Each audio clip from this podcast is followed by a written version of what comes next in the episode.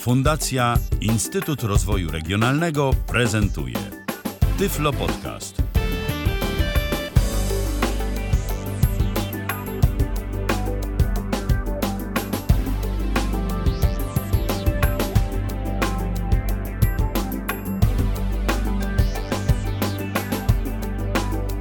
Kalendarzu mamy piątek, to jest już 28 dzień czerwca 2019 roku. Witam bardzo serdecznie przy mikrofonie Tyfloradia Michał Dziwisz, a przy drugim mikrofonie, mikrofonie telefonicznym dziś, bo tak nam się y, złożyło, Justyna Margielewska z Fundacji Wygrajmy Razem. Witaj Justyno. Witam, witam, witam słuchaczy. Witamy się ponownie. Tak, tak witamy się ponownie. Byłaś już u nas, rozmawialiśmy sobie o y, filmach, rozmawialiśmy sobie o animacji i dziś też sobie na te tematy między innymi porozmawiamy, y, bo dzieje się, y, dzieje się w Fundacji Wygrajmy Razem, jeżeli chodzi o kwestie związane z animacją i o tym w dzisiejszej naszej audycji będzie.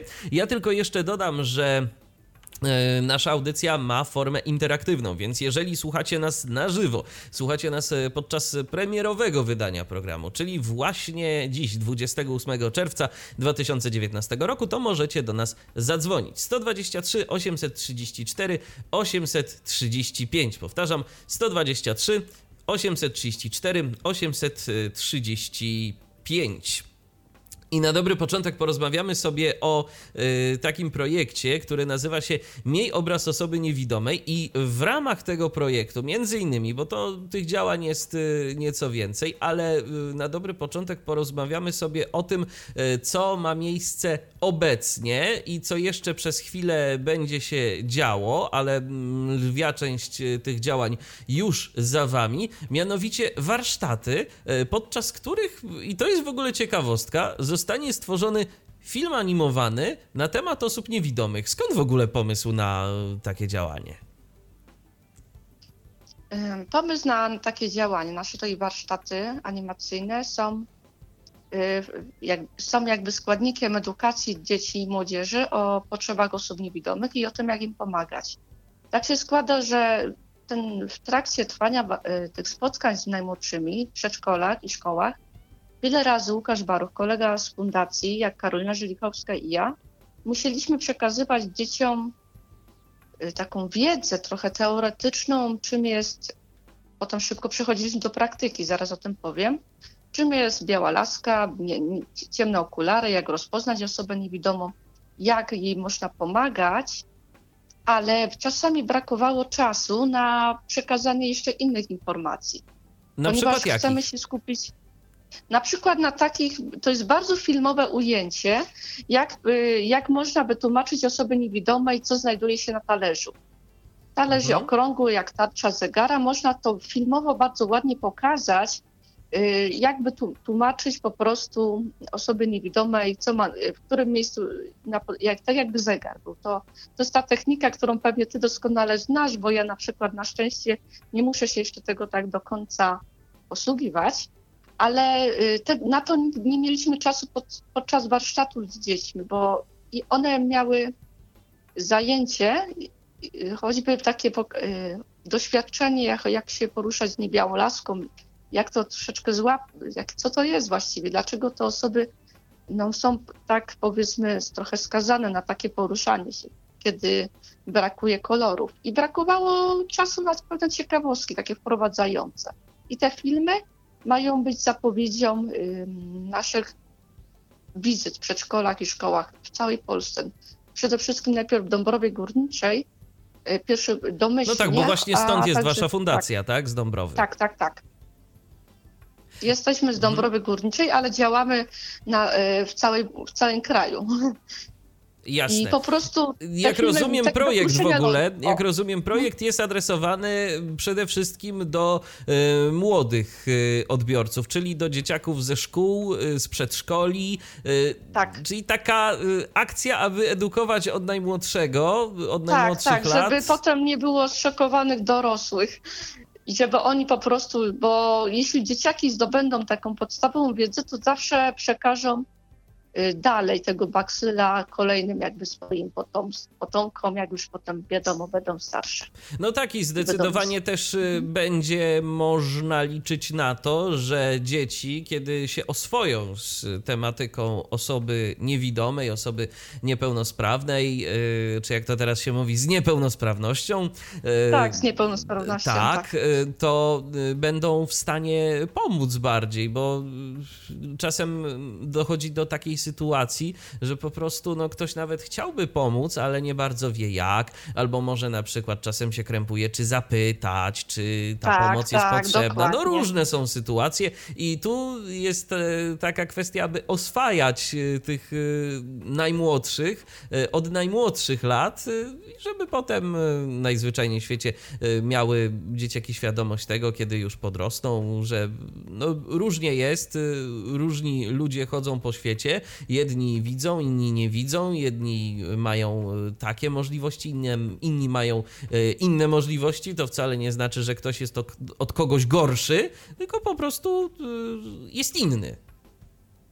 Tak, jest, in, jest inny oczywiście. I to i, i taka rzecz by się wydawała podstawowa, że nagle dzień dobry, na przykład dzień dobry, do zobaczenia. Wydaje się, że to jest taki strach powiedzieć niewidomemu dzień dobry, do, do zobaczenia, zwłaszcza to ostatnie, jak to do zobaczenia. Potem przepraszam, przecież pan, pani nie widzą. Jak, tak, albo na przykład. ja nie uraziłem. Tak, albo na przykład jest. Takie Owszem, albo, tak albo tak jak się mówi, że na przykład jak ktoś oglądał jakiś film, tak, to i, i mhm. później taka chwilowa konsternacja, ale to zaraz, a to, a to przepraszam, bo tu słuchałeś filmu. No, znam takie osoby yy, i to niewidome, yy, które yy, czasem lubią tak. Y, nie wiem z czego to wynika do końca, ale znam takie, znam takie osoby, które tak bardzo lubią doprecyzowywać, że one to, tego filmu rzeczywiście słuchają. Ale ja akurat y, zdecydowanie y, wolę stwierdzenie, że mhm. ktoś ten film oglądał, nawet jak go nie widział, bo po prostu, no, mhm. zazwyczaj mówi się o tym, że ktoś, że filmy się ogląda, tak? Filmów się nie słucha, słucha się y, radia. Na przykład. Tak, radia Słucha się, się muzyki, tak. tak. a filmy się tak. ogląda, więc y, ja jakoś nie jestem zwolennikiem tego podkreślania, y, że no, ja słuchałem tego filmu, aczkolwiek no, są mi znane takie osoby, które tak jakoś bardzo lubią to podkreślać. Nie mi oceniać, czy to, czy to dobrze, czy źle, ja jakoś się z tym nie identyfikuję. Y, ale okej, okay, to już wiemy, jakie to są wasze działania, co chcecie osiągnąć. To teraz y, co do tego filmu y, i co do warsztatów. Y, od kiedy odbywały się warsztaty? Warsztaty odbywały się od poniedziałku i są, zostaną zakończone w sobotę. W ramach tych warsztatów mieliśmy dzieci ze świetli środowiskowych w Dąbrowie Górniczej. Była to grupka w sumie 16 dzieci, podzielona na, dwie, na dwa zespoły, które pracowały pod opieką artystyczną, właściwie pracują, kończymy to, ale ja już tak trochę w czasie przeszłym mówię, bo już trochę tych dni minęło.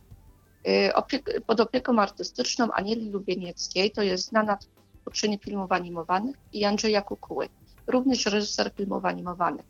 Osoby, które mają przyjemność śledzić naszą audycję, to tak poinformuję, że Andrzej Kukuła i Aniela Lubieniecka są twórcami takich serii jak Miś Fantazji i Bajki i Baśnie Polskie. To są takie nowiutkie animacje z dialogami, takie tworzone w taki już nowoczesny sposób, łącząc techniki komputerowe i tradycyjne. A dzieci na tych warsztatach yy, próbują, uczą się takiej podstawowej animacji poklatkowej, rysunkowej metodą wycinanki, żeby po prostu po pierwsze zrozumieć, jak można tworzyć filmy, a także, żeby móc przekazać coś ciekawego innym widzom. Tematem y, te, tegorocznej edycji warsztatów filmów rysunkowych jest właśnie świat osoby niewidomej. Nasza bohaterka pojawi się na placu zabaw, gdzie będzie mogła liczyć na pomoc swoich rówieśników, a potem w szkole. I ten film będzie taką jakby przystępną formą instruktażu. Nie, nie chciałabym powiedzieć, że obsługi osoby niewidomej, ale właśnie instruktażu, jak pomóc takiej osobie.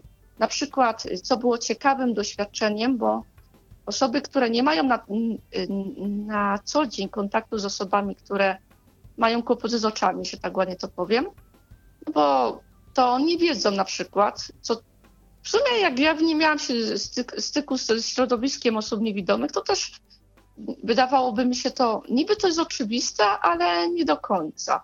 Że na przykład te słynne schody, że idziemy, zbliżamy się do schodów i przewodnik informuje, że schody idą, się prowadzą w dół. Jedne, a drugie inne mogą prowadzić do góry, że schody w dół, schody do góry. Na to mi zwróciła uwagę Aniela Lubieniecka, że dla niej, że to się wydaje takie typowe, normalne, przeciętne, zdroworozsądkowe, ale wcale takie nie jest oczywiste. To znaczy, y, co nie jest mhm. oczywiste, że należałoby poinformować, tak? czy schody są w tak, dół, czy w górę? że schody, że schody w dół, mhm. tak, dokładnie. Że dla nich nie jest to takie oczywiste, jeśli nie mają na co dzień kontaktu. No tak, a jak potem się tak zastanowić, to się okazuje, że to jest przecież logiczne, no bo inaczej trzeba tak. się jednak ustawić do y, wchodzenia, inaczej trzeba się ustawić do schodzenia, inaczej się jednak trzeba przygotować do tego, żeby albo wejść, albo zejść. Mhm. Jeżeli jeszcze ktoś y, korzysta z białej laski, no to też inaczej inaczej ją operuje, e, wchodząc czy schodząc po schodach. To, to się wszystko zgadza. E, powiedz mi, czy e, zanim zaczęliście pracować nad materiałem filmowym, to dzieciaki, które brały udział w tworzeniu tego filmu, mhm. to czy dostały jakąś taką, nie wiem, lekcję wprowadzającą? Czy może tak, one tak, już tak, były zaznajomione tak. wcześniej z tematem? Jak to było? To jest to... tak, część tych, dzieci, część tych dzieci ze Świetlic miała przyjemność uczestniczyć w naszych warsztatach, gdzie uczyły się chodzić z białą laską, jak być przewodnikiem, że podać łokieć, jak, jak, jak pokazywać drogę osobie niewidomej, ale bywały i osoby, które nie miały kontaktu, więc żeby nie było nieporozumień oraz animatorzy, którzy, którzy też dostawali instrukcje, co mają przekazać na tym filmiku, przekazać dziećmi, tak? Y, scenariuszowo. Na przykład y, podczas pierwszego dnia warsztatu, zanim dzieci przystąpiły do projektowania wyglądu postaci do filmu, miały okazję porozmawiać na ten temat no, z osobą niewidomą, w tym przypadku akurat z kolegą z Fundacji Łukaszem Baruchem, który nie tylko właśnie pokazywał białą laskę, atrybuty jakby osoby niewidomej, y, te ciemne okulary, ale także właśnie razem z koleżanką prezentowali jak po sali chodzili świetlicy środowiskowej, jak y, niewidomy porusza się sam, a mhm. także jak chodzi z przewodnikiem. Ponieważ te dzieci obserwując te ruchy, które są wykonywane, właśnie chowanie ręki za siebie, y, laska przed, przed osobą niewidomą, stukanie sobie na dwa kierunki, że pokazywanie, że inny dźwięk ma na przykład dywan, inny dźwięk to jest na przykład klawiatura, powiedzmy, że to jest jakaś, jakaś inna powierzchnia, a to jest jeszcze jakaś inna, to dzieci po prostu yy, mogły zobaczyć, co powinny pokazać w swoim filmie, żeby osoby, które nie miały, kolejne osoby, które dopiero będą zaznajamiane za pośrednictwem tego filmu, ze światem osób niewidomych, na co zwracać uwagę, że dziecko, które pojawi się, które pojawi się na placu zabaw, a na przykład ma do dyspozycji taki zmysł jak, jak wzrok, no to od razu pobiegnie na huśtawkę i nie będzie trzeba go instruować, że tu jest y, huśtawka, tutaj znajduje się siedzenisko, tam jest oparcie, siedzisko, oparcie, tak. A mm, osobie niewidomej, która zbliża się do huśtawki, to trzeba poinformować. I to też na tym filmiku właśnie jest taka scena, która będzie po prostu potem już po całkowitym montażu do, do śledzenia, tak, do widzom, do pokazania.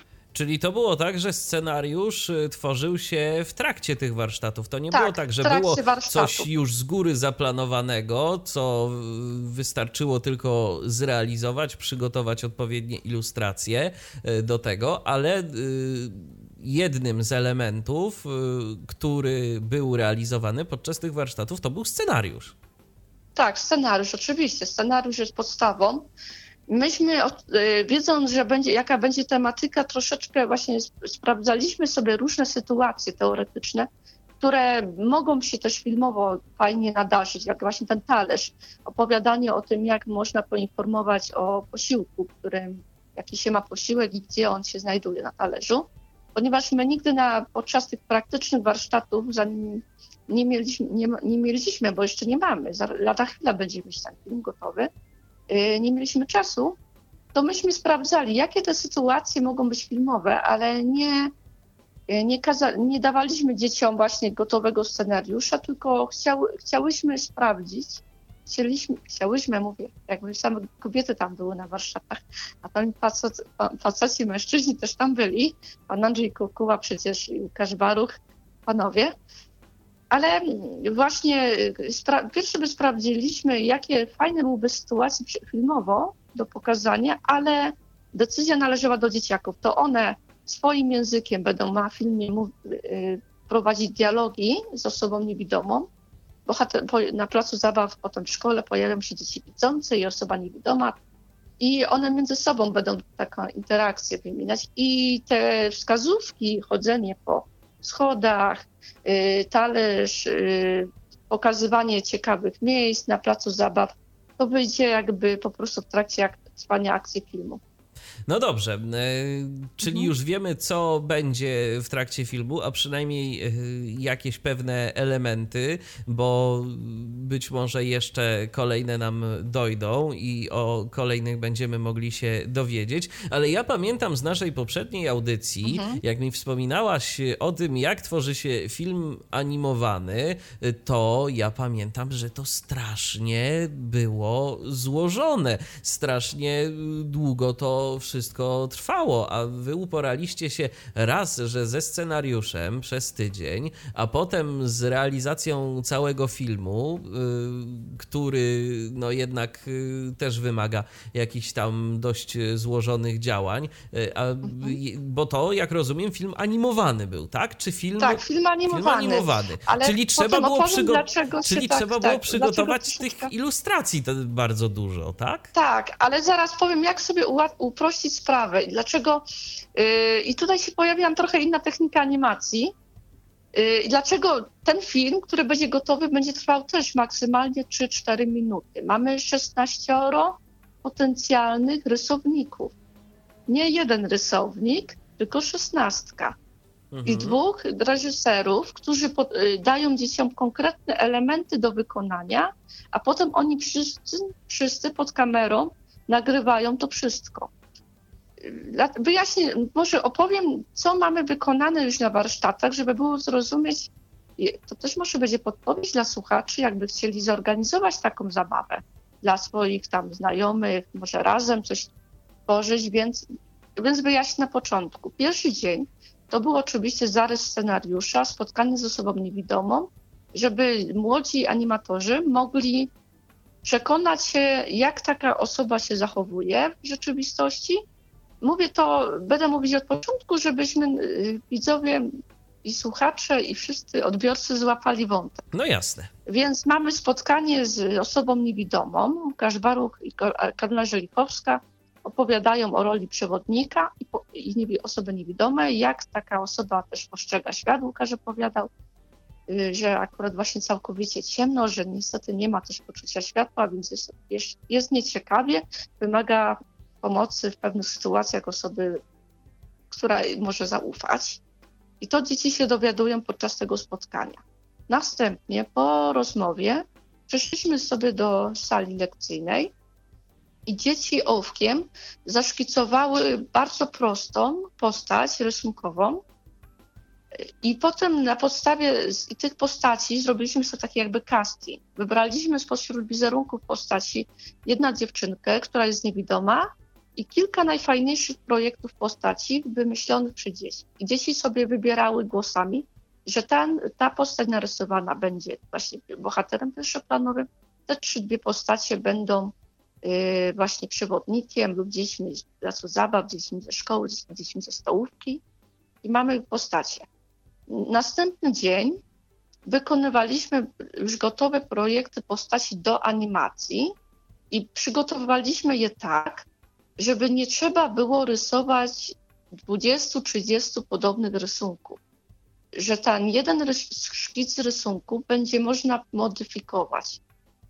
Czyli zadaniem dziecka, dziecka było przeniesienie szkicowego ołówkowego rysunku na kolorowy papier i wykonanie takiej sztuczki, że osobno jest głowa postaci, osobno jest tors, z ubrankiem. Osobno są nóżki i rączki. te y, postacie z wycinanki wystarczyło potem y, za pomocą takiej masy plastycznej podobnej w dotyku do plasteliny, ale działającej trochę jak guma, taki, nazywa się to patafix. Przykleja się patafixem główkę do torsu postaci i oczywiście rączki, nóżki, żeby mamy całego ludzika. I tym ludzikiem, który ma tą jakby plasteliną, patafixem przyklejona jest, można wykonywać ruchy, czyli można sobie leciutko na przykład odchylić rączki i już mamy na przykład ruch, że postać unosi rączkę do góry. I tak już mamy jakby kolejny, kolejną klatkę tak, tego filmu. Tak, I tak, nie trzeba wtedy tak. rysować kolejnej postaci, tylko to jest taki tak. jakby. Mi to się trochę kojarzy z takim, ja wiem, teatrzykiem kukiełkowym. Tak, tak. Te postacie się dokładnie jak. Będzie jakby animacja lalkowa, mhm. ale nie mamy znów tych 7 tysięcy kolargolów, jak opowiadaliśmy sobie y, w poprzednim odcinku naszej tutaj audycji z animacją, że tak ładnie to powiem tylko ten, ta jedna postać już potem podłożona pod kamerę i instruowane, y, instruowana animator, instruowany przed panią Anielę Lubieniecką, Andrzeja Kukułę i Andrzeja, mo mogą wykonywać po prostu zdjęcia dzieci. Więc zadaniem dzieci jest narysowanie dużego tła, które będzie stołówką, narysowanie zespołu dzieci. Mamy ośmioro dzieci w jednej grupie i ośmioro w drugiej więc dzieci na formacie A2 wykonują tła do animacji, a na, na tym tle jest właśnie ta nasza rysunkowa postać, która się zachowuje trochę jak kukiełka, trochę jak lalka. I więc można potem już wykonywać te klatki. I więc następne dni warsztatu są poświęcone na to, żeby wykonywać już te ruchy tych postaci. Tą najfajniejszą rzecz, która jest najbardziej fajna do pokazania, do mm, wyjaśnienia, no i że widzą dzieci już ten ruch na ekranie, bo u góry mamy płaski obraz na Brystolu, mamy nasze kukiełki, które animujemy i dziecko wykonuje jeden ruch postaci. Pojawia się dziewczynka na planie, na, nasza niewidoma, podchodzi do placu zabaw. Więc dziecko y, do kamery jest podłączony program komputerowy, więc mamy komputer plus kamera na rzutniku na statywie, który patrzy na to jakby z lotu ptaka, na ten nasz plan filmowy. Więc, więc wykonujemy już sobie tak zdjęcia, nawet już mamy tą postać na tle i nawet nie musimy dopiero doklejać do tła. Więc Wiesz co, ja y, jeszcze zapytam, ja jeszcze zapytam od razu o tę kwestię tła. Jak rozumiem, y, taki obraz tła, jeżeli dzieje się w jakimś jednym mhm. pomieszczeniu, to rysujemy go tylko raz. To już nie przywiązuje tak. się takiej wagi do takich szczegółów, że na przykład jeżeli tam powiedzmy y, zmienia się postać tej głównej bohaterki, mhm. to przy mhm. okazji też zmienia się troszeczkę jakoś minimalnie sceneria tła, że na przykład, nie wiem, jak ktoś tam jest jest obraz stołówki, tak? To, że tak? Y, powiedzmy ludzie, którzy trzymają jakieś tam, nie wiem, sztućce w, w, rękach, to też im się scena zmienia, że ktoś ma ten y, widelec czy łyżkę jakoś nieco inaczej. Już takich szczegółów się nie robi. Tło jest tłem i, i ono ma po prostu pełnić rolę pewnej ilustracji, a tak naprawdę zmienia się tylko postać y, pierwszoplanową, tak? Owszem, zgadza się, ale też pamiętajmy o tym, że to jest duże tło, więc można przybliżać, można robić właśnie takie też, na przykład na, yy, akurat z tego co pamiętam, scena na stołówce będzie wyglądała tak, że będzie widać po prostu blat i talerz. I na ten talerzu będą pojawiać się te właśnie elementy, jak na tarczy zegara, żeby wiedzieć, dzieciom wytłumaczyć. Więc wrócę sobie do sceny w szkole. W szkole będzie, mamy, szkoła będzie przedstawiona tak, że mamy budynek y, y, szkoły, tak jakby plan, byśmy otworzyli jakby ścianę i byśmy widzieli dwa poziomy. Że mamy schody do góry i potem jest pokazywane drugie piętro. Więc ta postać, tak jak w domu dla lalek, się dzieci bawią w domu dla lalek, że mamy otwarty domek i my widzimy jakby te piętra, poziomy budynku, więc jest taki, taka makieta domu zrobiona i na tym tle pojawi się przewodnik i osoba niewidoma, które się poruszają z jednego pomieszczenia na drugie. Więc tutaj nie trzeba specjalnie modyfikować tła. Ale gdybyśmy chcieli na przykład pokazać tylko drugie piętro, a nie pierwsze, czyli ten plan cały, to wystarczy przy, przybliżyć kamerę, żeby ona pokazała tylko drugie piętro. takie zabawy też możemy się troszeczkę zmieniać, tło bawić, ponieważ ułatwimy sobie aparatem, gdzie możemy zmieniać po prostu ten widok. No tak, bo tło jest duże, więc, więc można tak. sobie to wszystko modyfikować. Czyli jeżeli chcemy się później najmniej napracować, to najlepiej jest przygotować takie większe tło i później tak, odpowiednie elementy tego tła sobie przybliżać, tak? Dodawać, tak, bo możemy te rysunki przybliżać, możemy takie drobne, możemy takie pewne elementy dekoracji również wykonać i położyć na tym tle, że się pojawi kolejny element dekoracji, który też może być animowany tak kukiełkowo jak nasz bohater główny. Więc y, to jest, y, to jest, owszem, to jest dużo pracy, ale może, może ułatwiając sobie troszeczkę właśnie programem, który od razu nam fotografuje to wszystko, nasze zmiany ruchu, nie musimy już tego wykonywać dosłownie, y, powiedzmy, każdego rysunku z osobna już, więc to już nam troszeczkę ułatwia sprawę. Okay. I dzieci są w stanie, bo robimy już trzecią edycję tych warsztatów, są w stanie w ciągu tygodnia wykonać krótki film, po prostu tą metodą. To jest taka, Aniela Lubieniecka mówi, że to jest taka metoda rysunkowa najprostsza, żeby po prostu, bo gdybyśmy chcieli wykonywać taką bardzo klasyczną animację, tak jak ja opowiadałam, że nie modyfikuje jakby kukiełki, ale właśnie rysuje jakby od podstaw kolejny obrazek, no to tu już trzeba po prostu mieć więcej umiejętności rysowniczych i to, to, i to, i to oczywiście zajmuje jeszcze więcej czasu. No i też dobrze Jest by było, podejrzewam, i też dobrze by było, podejrzewam, że mm, gdyby całość rysowała jedna, no może ewentualnie dwie osoby, a tu mamy szesnastkę osób, tak. które rysują, więc te umiejętności są różne i dajmy na to, gdyby kilka osób rysowało tę samą postać, to nagle mogłoby się okazać, że co się chwilę się zmienia ta postać i to tak, diametralnie się zmienia. Mhm. Tak, a jak dzieci mają zadanie, za zadanie wykonać rysunek nawet postaci jak puzzle, że jedno dziecko zaprojektuje sukienkę, drugie główkę, trzecie nóżki, rączki, to wychodzi przepiękna postać, którą można animować, tak jak mówię, jak kukiełkę, a jest to po prostu, nie ma tego problemu właśnie y, z różnicy umiejętności. To nie zniechęca, to motywuje do pracy i jest to, jest to bardzo duża frajda. Ale ten, to jest to film instruktażowy, jest to film obrazowy, więc nie abstrakcyjnie, więc mamy akcję, więc potrzebne są też dialogi. I tutaj dzieci miały za zadanie także ułożyć właśnie dialogi do naszego filmu, które jesteśmy na etapie nagrywania ich. Więc dzieci musiały po prostu y, same wymyśleć, co, jakby się też zachowywały w danej sytuacji. Wyobrazić sobie ten film, który, który zaraz po prostu pojawi się jako anim, animacja na, na ekranach komputera przed sobą, że pojawia się postać niewidoma dziewczynka, są na placu zabaw, pojawia się niewidoma dziewczynka jak reagują na tą postać. Bo oni tą swoją reakcję będą musieli nagrać i przedstawić we filmie, bo te postacie oprócz tego, że się pojawiają, poruszają, co jest bardzo płynnie wychodzi. Pomimo, że by, tu by się wydawało, że taka klasyczna, uproszczona animacja mm, wycinankowa, pokładkowa wydaje by się taka niedoskonała, ale dzięki wrażeniu ruchu to wcale tak nie jest. Okay. Więc y, dzieci muszą po prostu sobie wyobrazić ten cały film, nagrać dialog, który potem nałoży się na postacie, które też będą mówić. Bo tak jak mu pamięta, jeśli pamiętacie Państwo Misia Kolargola, tak jak mówiłam, że kukiełkę y, można było używać w planie dalekim albo w planie bliskim, tą samą postać naszą ruchomą, pojawi się wtedy na większości ekranu i będzie mówić do widza, cześć, mam na imię na przykład Emilka, jestem osobą niewidomą, oto mój świat. Y, potrzebuję pomocy przyjaciół. Ja teraz dialogi myślę, że będą inne, ale mówię tak jakby teraz na potrzeby audycji.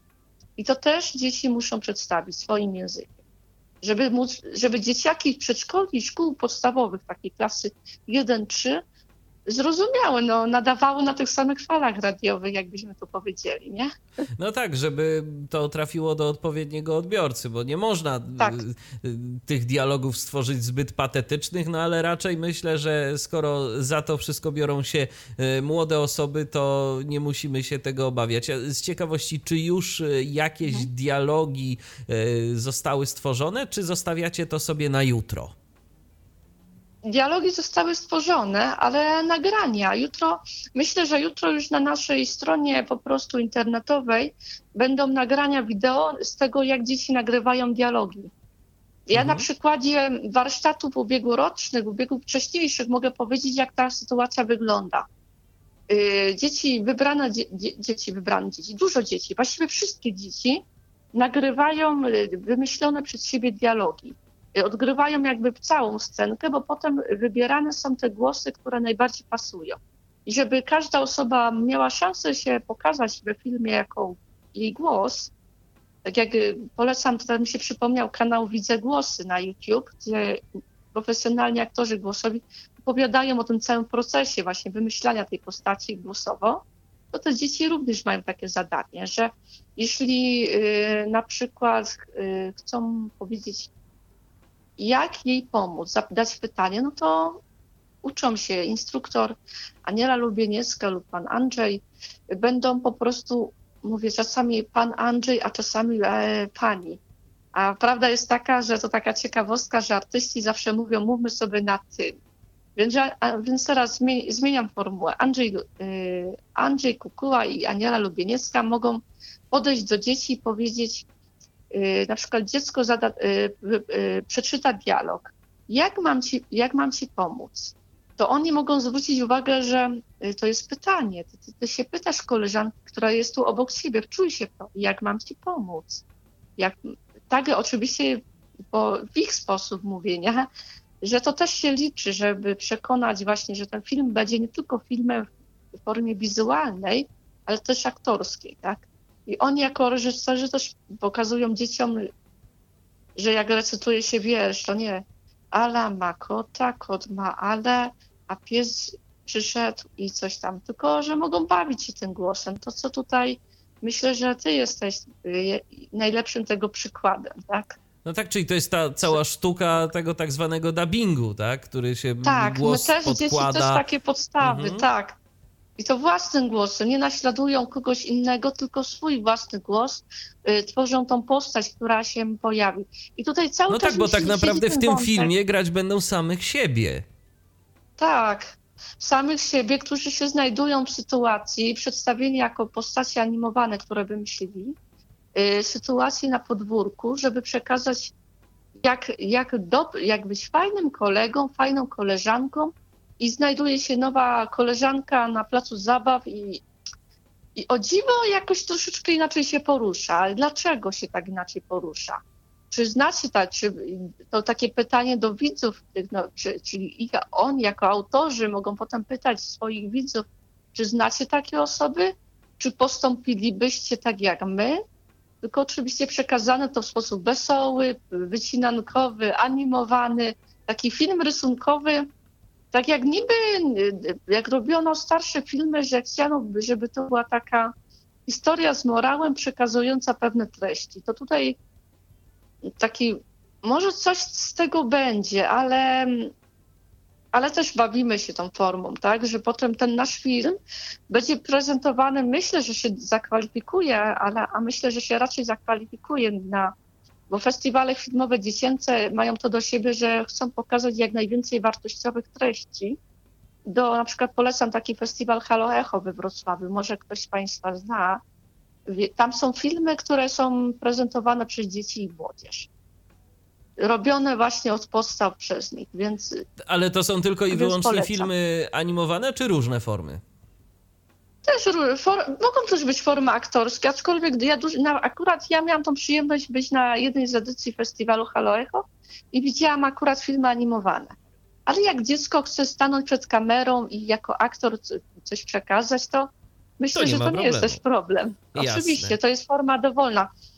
Yy, można łączyć animację, przypominam, z filmem aktorskim. Tutaj akurat mi się przypomina taki jakby sztandarowy film Kosmiczny Mecz, gdzie koszykarz Michael Jordan rozmawiał z królikiem Bucksem.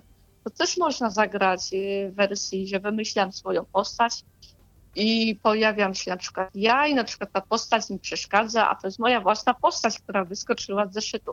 Ale, mm, bo ja to tak trochę już odprunęłam z tym No właśnie, a, a, a chciałem jeszcze, tak, żebyśmy wrócili tak. do, do warsztatów. I co tam się jeszcze działo? Bo już wiemy, że zostały stworzone postaci, został stworzony plan, a właściwie kilka planów, y, na których później zostało to wszystko mhm. osadzone. Wspomniałaś o tym, że planem było co? Była y, szkoła, y, czyli tak? jakieś tam y, kondygnacje tej szkoły, stołówka szkolna, tak, plac tak, tak, zabaw, tak, tak. coś jeszcze?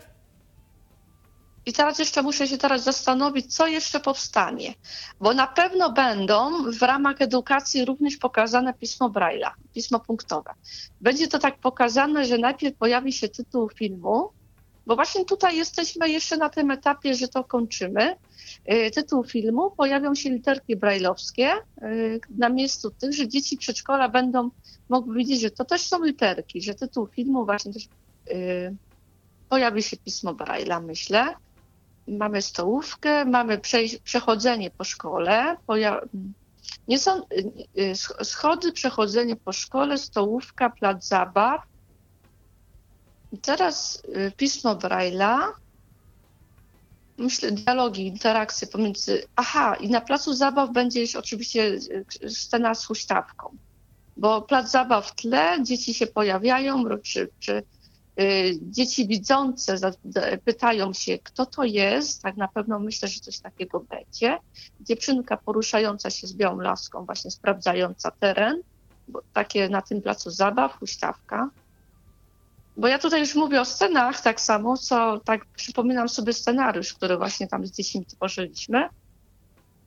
Teraz myślę, że to będzie jeszcze, myślę, że jeszcze dzieci będą się przedstawiać, może jeszcze coś takiego będzie, ale nie jestem do końca jeszcze w stanie jeszcze powiedzieć, co będzie.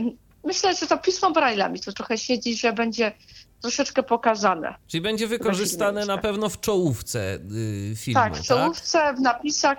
Ten film będzie, jeśli będą te sceny różne na y, właśnie przedszkole, czy przedszkola, szkoła, podwórko, te podwórko z placem zabaw, to myślę, że tu też się pojawią y, napisy właśnie na dwa sposoby.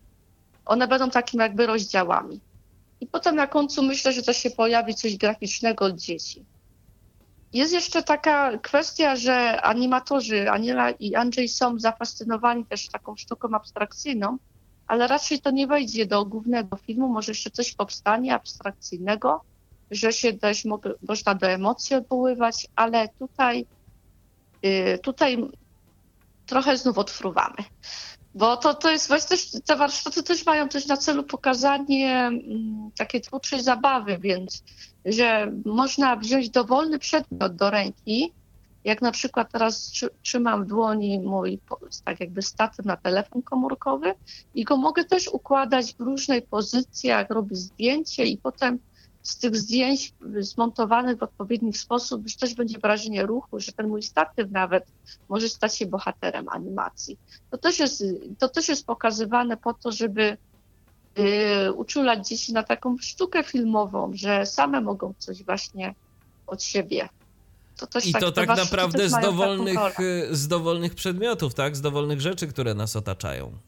Tak, tak. I to też jest takie rozwiązanie dla osób niewidzących, że druga osoba może y, być tą, robić te zdjęcie, tak, a ona, ta, a, a osoba niewidoma może robić po prostu te przedmioty przesuwać, tak, wymyślać sobie, co, te, co ten bohater, powiedzmy, że powiedzmy, że nagle mój statyw na kamerę stał się zaczarowany i nagle przemieszcza się po całym pokoju, tak, i na przykład nagrywać te dialogi właśnie bawi się tego aktora głosowego, to też jest istotą tych warsztatów. Jasne. No dobrze, warsztaty kończycie jutro. Y, mhm. Zbierzecie cały materiał, y, który zostanie przygotowany. Y, co dalej? Jaka będzie dalsza droga? Bo jak rozumiem, to nie będzie tak, że w trakcie warsztatów to już zostanie mm, stworzony cały film, że nic tylko go wyrenderować na YouTube'a, wypalić na płyty i ruszyć z tym w Polskę. No nie, no właśnie nie. I to jest tak, dzieci przygotowały jakby taką postprodukcję, o tak to powiedzmy. Już, już widziały, jak te pojedyncze sceny są animowane, ponieważ w trakcie właśnie animowania, y, w trakcie robienia zdjęć, potem można zobaczyć na podglądzie tą scenę. Ale z racji tego, że nagrały osobno dialogi, które y, nagrały, jeszcze nie nagrały tych dialogów, mamy dopiero dialogi. Cały czas się Mówię, mówię też tak jakby da, przyszłymi, przyszłymi y, tymi po prostu edycjami warsztatów. Z nagrane dialogi, które y, dzieci dostarczą, po prostu będziemy, myślę, nagrania jutro będziemy mieć, muszą zostać zmontowane razem z tym obrazem, czyli tak jak mamy sztukę dubbingową. Tak? Odwołuję się do tego kanału dość popularnego na YouTube, polecam gorąco, bo tam jest pokazane, że aktor głosowy podkłada głos do obrazu, który widzi dopiero przed sobą. I tutaj tak samo jest. Dzieci już widzą obraz, widzą fabułę, widzą klatce takie kluczowe sceny, ale cały film z, doda z dodanymi napisami, które właśnie jesteśmy na etapie tworzenia, zostanie musi zostać po prostu przetworzony przez tych animatorów, tych właśnie reżyserów. Oni zabiorą nasze materiały filmowe do studia u siebie i po prostu zmontują ostate wersję ostateczną tego filmu. Następnie my otrzymamy ten nasz film gotowy. Będzie można go pokazać dzieciom ze świetlicy, że właśnie animatorom, zobaczą te swoje głosy, które te postacie rysunkowe, które wykonali, one mówią ich głosami a potem ten nasz film właśnie od września, mam nadzieję, zostanie, będzie prezentowany w szkołach i przedszkolach. Będzie y, w ramach już tej naszej akcji edukacyjnej Miej obraz osoby niewidomej, bo ta akcja ma, teraz idą wakacje, bo teraz do końca czerwca y, dzieci z przedszkoli wychodziły do przedszkoli, dzieci ze szkół podstawowych troszeczkę wcześniej już skończyły rok szkolny. No tak, a teraz wakacje, więc jest czas, żeby to wszystko wakacje. przygotować, tak? tak? I ruszyć z tym przygotować we wrześniu. filmy, tak, przygotować gotowy film, który będzie zapowiadał naszą wizytę. Dzieci przed, tuż przed spotkaniem na żywo z osobą niewidomą, Łukaszem Baruchem, y, z koleżanką słabowidzącą Karolą Żelikowską i mną również przy okazji, przy okazji, bo zaraz opowiem o tym cyklu warsztatów. Y, zobaczą nas, najpierw nauczyciele otrzymają film, który będą mogli pokazać dzieciom na jednej z lekcji, na jednym tam z, z lekcji, ze spotkań, że widzicie, dziewczynka z białą laską ma trochę inny świat, dzieci inne jej pomagają na tym filmie. To my spotkamy się z taką osobą, będziemy mogły z tą osobą porozmawiać, będziemy mogły się z tą osobą bawić, bo drugi dzień warsztatów jest zabawy. Zaraz to wytłumaczę. I my, my już wiemy, kto do nas przyjdzie. Dzieci obejrzały film o osobach niewidomych, tak jakby uświadomiły sobie, bo może niektóre z nich, jeśli to są grupy trzech lat, trzylatki, czterolatki, to one niekoniecznie musiały, bo w przedszkolach są, spotykamy się z wiekiem od trzech lat do, 7, do, 7, do 6 lat, tak? Jak są przedszkole. Tak? Trze, trze, trzeciolatki i sześciolatki. Więc dzieci za pośrednictwem tego filmu będą, o, taka, taki, z takim bohaterem się spotkamy na żywo. Na żywo, z białą laską, z ciemnymi okularami, bohater przyjdzie do nas. I kiedy przychodzi, przychodzi do, do spotkania, to z reguły było tak, że Łukasz najpierw właśnie opowiadał, jestem osobą niewidomą. Osoba niewidoma to jest ta, która porusza się z białą laską, stukam sobie białą laską, żeby mógł do was trafić. I te dzieci już będą wiedzieć, o, że taka osoba przyszła. Więc Łukasz będzie mógł powiedzieć, no wiecie, pamiętacie nasz film? Dziewczynka potrzebowała pomocy. Y, ja również potrzebuję pomocy, bo na przykład samodzielnie nie, nie trafiłbym do was. Mówię, kurczę, trochę śmiesznie mówię za kolegę z fundacji. On oczywiście powiedziałby to na swój spo, jedyn, jedynym swoim rodzaju sposób, ale właśnie będzie już takie pierwsze lody zostaną przełamane. Ten filmik ma przełamywać takie pierwsze lody. Więc jak u dzieci będą już mniej więcej wiedziały, z czym to się je, takie spotkanie ze sobą niewidomą, to będą to chętni. Myślę, że chętnie będą sobie mogły same spróbować takiej roli osoby niewidomej, czyli taka zabawa w ciciu babkę, że zasłaniamy opaską oczy dziecko otrzymuje białą blaskę i próbuje się poruszać po sali, którą dobrze zna, ale próbuje to przetestować, jak to jest. Jakby jak to jest z tym kawałkiem kija, tak? Jak, jak, tak, so, jak, tak, sobie z tak. tym, jak sobie z tym radzić? No bo zazwyczaj zabawa w ciuciu babkę to raczej nie polega na tym, że, że ktoś y, tak, tak. chodzi z białą tak, laską, a tu mamy trochę babka, inną perspektywę. Tak, ciuciu babka, żeby nie, prze, nie przerazić, że niewidome, straszne, tak? Aha, Dlatego aha. ciciu babka mówimy. Ten filmik też będzie już trochę oswajał, bo ten film ma oswajać z tym, z tym światem. Wiesz co, to ja jeszcze, tak, potem... ja jeszcze tak a propos tego filmu zapytam y, i, i zadam takie trochę niewygodne pytanie. Mm-hmm. Zresztą jak i w trakcie naszego ostatniego spotkania też o to pytałem. Powiedz mi, okej, okay, bo to będzie film dotyczący osób niewidomych, będzie opowiadał o tym, jak mm-hmm. osoby niewidome funkcjonują, żeby dotrzeć z tym przekazem do osób widzących, ale moje pytanie a jak osoby niewidome będą w stanie się z tym filmem zapoznać i na ile będą w stanie się z tym zapoznać? Czy jest planowana jakaś audiodeskrypcja, czy też ten film sam z siebie, z dialogów, z tego co, wszystkiego, co tam będzie, będzie na tyle e, intuicyjny, że będziemy w stanie z niego my, jako e, odbiorcy, którzy po prostu nie będą w stanie go zobaczyć, cokolwiek mhm. z niego wynieść? Tak, to jest tak. Dialogi będą pisane tak, że będą informować o akcji. Że kto Aha. to jest, przyszła dziewczynka z białą laską, żeby ona już były trochę tą audiodeskrypcją. Mhm. Y, dlatego, te, dlatego podzielenie filmu na rozdziały, szkoła, podwórko. To wszystko y, be, będzie wynikało z dialogu. Pamiętacie, jak opowiadałam o animacji, takiej klasycznej, starej polskiej animacji, ona była nie ma. Ta animacja nie może być nie ma. Dlatego ten, dlatego ten nacisk na te, na te dialogi, Kto, y, że zobacz, y, twój talerz wygląda jak tarcza zegara. Na dziewiątej są frytki przykładowo, na szóstej będzie co innego. I te obiekty, kiedy ona będzie mówić są frytki, pojawiają się frytki. Y, jest groszek, pojawi się groszek. Te dialogi będą cały czas informować o tej akcji. Jeśli, myślę, że jeśli, za, jeśli zajdzie potrzeba napisania audiodeskrypcji do filmu, bo się okaże, że będą jakieś luki, będzie to też do wykonania, ponieważ my ten film będziemy mieć jako nasz własny film. Nie będzie więc problemu z prawami autorskimi. To równie dobrze ja będę mogła nagrać audiodeskrypcję do tego filmu. No tak, i będzie można jakąś tam dodatkową rzecz dołożyć, a tak, przy okazji... ale przede wszystkim dialogi po prostu będą... Chcemy tak zrobić, żeby dialogi maksymalnie Były informacyjne. Mhm, mhm. Tak, bo to jest instruktażowy film, tłumaczący z czym to się je. A to też myślę, że dosyć fajne, ale tak swoją drogą sobie myślę, że można by było też, no nie wiem, czy ma to sens, ale tak teraz y, rozmawiając z tobą, y, przychodzi mi do głowy taki pomysł, że można by było y, może mimo wszystko mm, też dzieciakom pokazać coś takiego jak audiodeskrypcja właśnie, bo czasem przecież mamy do czynienia z taką sytuacją, że nam się telewizor na przykład na coś tam przełączy, coś tam sobie mhm. wciśniemy na tym pilocie i się nagle okazuje, że mamy jakiś e, dodatkowy komentarz. E, to pamiętam, mhm. była taka sytuacja, e, bodajże ten film Ida, chyba w jednym z olsztyńskich kin, został omyłkowo Aha. wyświetlony z audiodeskrypcją na głównych systemach odsłuchowych, więc te audiodeskrypcje mieli wszyscy.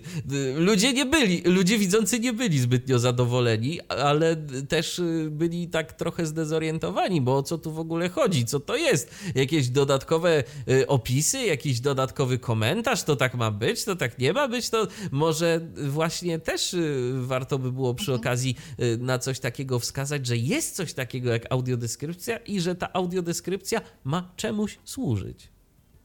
Mhm. Tak, ja myślę, że to jest tak, jeśli chodzi właśnie pod kątem tego, żeby przede wszystkim kierowaliśmy się tym, żeby film nie był niemy właśnie nie, że tylko się pokaże sytuację, bo, bo, by, bo by się pozornie by, by wydawało, że wystarczy pokazać właśnie dziewczynkę niewidomą idącą po placu zabaw, okej, okay, okay. widzimy, jest mhm. niewidoma. A tu właśnie się pojawią postacie w tle, które tłumaczą, co się dzieje. Y, jest taka reakcja, kto to jest, ta dziewczynka właśnie w okularach, ciemnych okularach. Pamiętam, bo bo był taki pomysł właśnie na tym spotkaniu organizacyjnym, że jak Łukasz mówił, to żeby zwrócić na to uwagę, że ma, białą laskę, ciemne okulary, żeby to w dialogach wybrzmiało. i żeby takie właśnie elementy, właśnie schody, wszystko, właśnie ta tarcza, dlatego mówię y, o tym talerzu cały czas mi się przypomina, ponieważ widziałam szkic po prostu tej sceny, tego, tego szkic, tego tła tak naprawdę i że to wybrzmi, bo, bo to jest po pierwsze animatorzy mówili, to jest bardzo filmowa scena że ta, bo na to nie mamy, nigdy nie mamy czasu tłumaczyć tego z tym, z tym jedzeniem, że właśnie się tłumaczy nie, że tu jest talerz, tylko że ten talerz, co się znajduje i jakoś, jakoś kierunki to no tak. Y, pokazywać. My chcemy właśnie takie rzeczy, to są też małe dzieci, y, trzylatki, cztero, cztero, pięć, sześć lat, sześciolatkom już w ramach ciekawostki, pięciolatkom można mówić, że wiecie, możecie się spotkać z takim filmem, że właśnie oprócz tego, że postać mówi, mówi też narrator, co się dzieje, bo to pomaga osobom niewidomym. Dokładnie. To jest fajna sprawa przy starszych dzieciach. Ja się tylko, wiesz co, tak, tak zastanawiam, tak. ja się tylko tak zastanawiam teraz y, w dzisiejszych czasach, y, jak bardzo dużą świadomość z tym talerzem i z tą tarczą zegarową będą miały mhm. dzieciaki w dobie coraz powszechniej obecnych i tak naprawdę wszędzie zegarków elektronicznych, które To też jest są... dla nich nich odkrycie, no, że, jest tarcza tak, że jest, tar, że jest tarcza to zegarowa. To dla nich frajda. No właśnie. To jest dla nich też frajda, bo jest zegar jako ozdoba przedszkolu. Są, bo ja też czasami patrzę po ścianach, nawet się śmieję, że jak byłam kiedyś u, y, u rodziny, to po prostu co mi tak cyka. A są takie nowoczesne, jest taka ostatnia moda, że są takie nowoczesne obrazy składające się powiedzmy y, z trzech prostokątów i te trzy prostokąty y, są jak puzzle a na trzecim prostokącie w krajobrazie, czy tam jakieś tam rysunku, grafice, jest zegar ozdobny, który tyka. Jest to zegar starczy. Czy to jest designerskie. A. Dzieciom można, a mało tego, podczas warsztatów, tych edu, nie edu animacja, podczas e, tych warsztatów, oczywiście spotkań z osobami niewidomymi, Łukasz pokazuje przyrządy dzieciom, które pomagają mu funkcjonować, czyli czy tam czujnik poziomu C, czy czytnik kolorów oraz zegarek, starczą.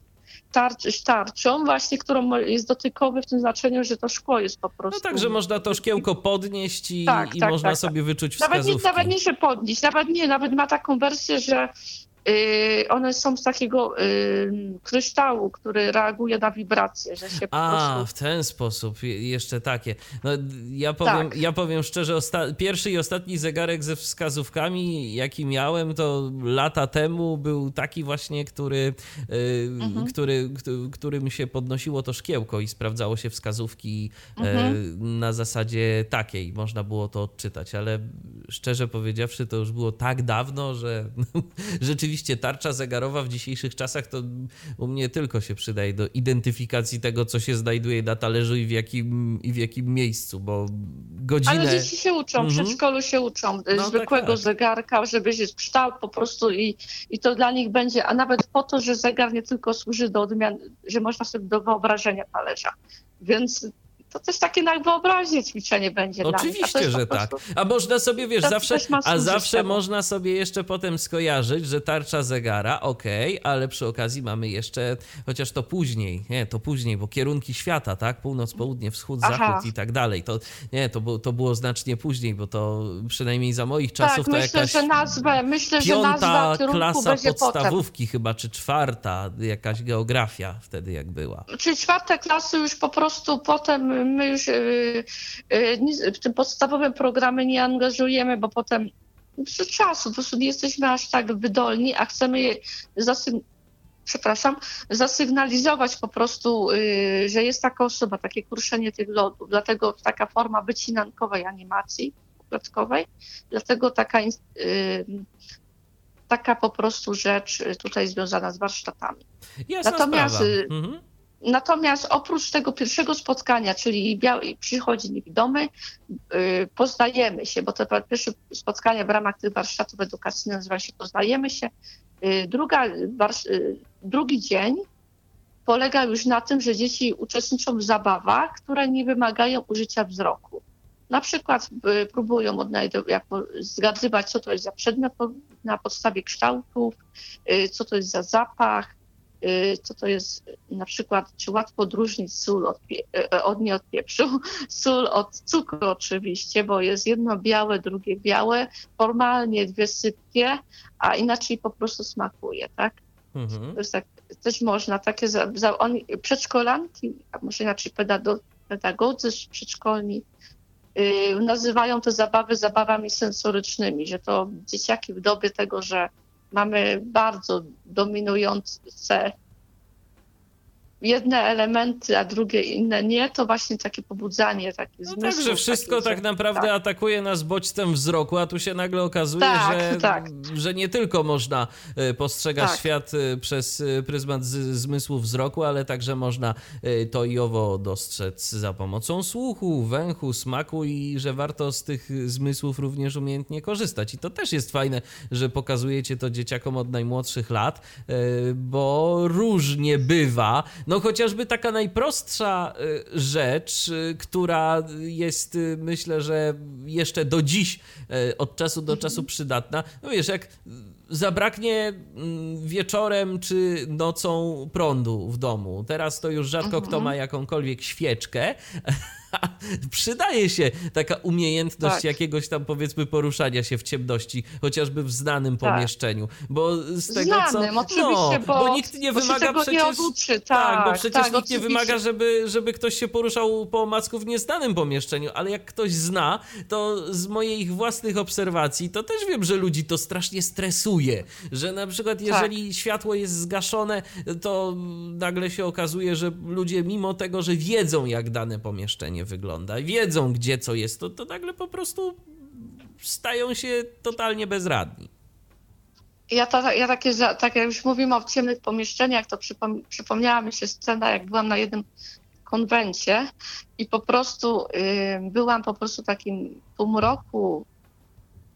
Cała rzecz polega na tym, że konwent, taka impreza fanowska, związana z komiksami, grami, odbywała się w szkole, w jednej szkole podstawowej. Była po prostu wakacyjny czas, bo młodzi ludzie się zebrali i trzeba było w półmroku gdzieś dotrzeć. I to skończyło się na tym, że ja jakoś sobie szłam po tych ścianach, coś tam szukałam sobie, gdzie to może znajdować się pomieszczenie, a cała banda dobrze widzących kolegów i koleżanek szła za mną na ogłupienie. I mówię, no to szukaj, szukaj tego prysznicu, szukaj tej sali, szukaj tego.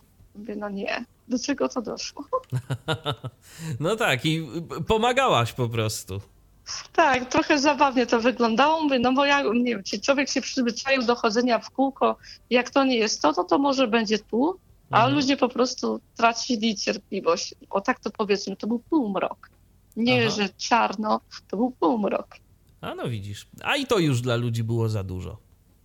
Tak, tak. Zgasło światło po prostu na korytarzu szkolnym. Mhm. No więc warto tak czy inaczej od najmłodszych lat pokazywać, że w razie czego, w razie jakiegoś takiego tak. wypadku, że nam zabiorą y, przynajmniej tymczasowo możliwość y, postrzegania wszystkiego za pomocą zmysłu wzroku, to że warto sobie uruchomić te pozostałe zmysły i jakoś sobie radzić. Y, ale co do warsztatów, to jeszcze, mhm. jeszcze za moment przejdziemy do kolejnej rzeczy, nad którą działacie. Mam na myśli płytę, ale jeszcze chciałem zapytać, czy coś jeszcze się w ramach tych warsztatów dzieje? Tak, tak, tak. To jest dzień drugi y, warsztatów, a trzeci dzień, ponieważ, a jeszcze, i to jest w zależności jeszcze od wieku przedszkolaku, bo takie poruszanie się, takie podstawowe zabawy są w, wieku, w grupach młodszych. Ale jak na przykład mamy już pięciolatki, sześciolatki, to się uczą czytać i pisać, to pokazujemy im, jak powstaje na przykład pismo Braille'a. Że tabliczkę brajlowską, że mogą sobie po prostu przekonać się na własnej skórze, jak to jest czytać od, na odwrót i pisać na odwrót, tak? No tak. Nie, nie, że pisakiem, nie, nie, nie, że po prostu kredką kolorową, no i nie, że, że nie jest tak prosto to jest też takie ciekawostki. Po prostu też pokazujemy, że stąd na tym filmie animowanym będą pokazane takie kropki, że to jest pismo dla niewidomych. Młodsze dzieci mają oczywiście pokazywane wypukłe ilustracje, którą bez pomocy wzroku mogą po kształcie zgadnąć, y, co, to, co znajduje się na obrazku. To też jest taka nowość dla nich, bo one jednak przywykły do, do trzymania rysunku przed sobą. Jest to z reguły bardzo szczegółowy, kolorowy rysunek, i znów mi się przypomina nasza audycja o animacji. Co dwuletnie dziecko, że dwuletnie dziecko nie zainteresuje się prostym rysunkiem, tym bardziej 3D, skomplikowana postać, mocno, dobrze, bardzo, bardzo animacja szczegółowo wykonana, tym lepiej się bardziej zainteresuje. Więc to nie jest to, to, to a, a, a tutaj nagle brakuje tego, tego zmysłu, który służy do rysowania i nagle co? A, można wziąć y, tabliczkę, która powiedzmy, która umożliwia rysowanie wypukłego rysunku i też się narysuje. Owszem. I nagle tylko nie ogóle, będzie kolorowy. W ogóle brakuje, nie będzie kolorowy, tak. I to też jest dla nich taka, no może jakaś taka lekka, lek, in, trochę inna lekcja plastyki niż y, to, co, y, to, co jest zazwyczaj. A, a teraz przejdźmy do trzeciego dnia, bo trzeci dzień i to jest dobrze, pierwszy, drugi dzień i teraz muszę, teraz muszę się zastanowić, bo trochę inaczej robimy to w przedszkolach, a trochę inaczej w szkołach. Bo te dwa dni pierwsze Y, gdzie y, są podobne, tylko w zależności modyfikujemy sobie, czy jest to y, rysunek, czy to jest braille, to sobie modyfikujemy. A trzeci dzień w przedszko przedszkolach to jest rysowanie na bardzo dużych kolorowankach, gdzie to akurat jest taka wersja, że na, na bardzo dużych kolorowankach lub wspólne śpiewanie. Bo, aha, przepraszam, to rysowanie na kolorowankach to jest tak do, to jest taki bonus. Wspólne śpiewanie. Wspólne śpiewanie polega na tym, że dzieci dotychczas, i tutaj zaraz bardzo płynnie przejdziemy do naszego kolejnego zagadnienia. Czyli do płyty, no właśnie. Wspólnie, tak. Śpiewały wspólnie piosenki znane, takie bardzo znane, klasyczne piosenki dziecięce, jak Zuzia, Lalka Nieduża, pies Puszek Okruszek. Piosenki z repertuaru, które są Ponadczasowe które można są znane, powiedzieć. ponadczasowe, ale to są już piosenki, które niekoniecznie niby są znane, ale to są tak jakby robienie powiedzmy y, nowych wersji starych przybojów, o tak to ładnie nazwijmy.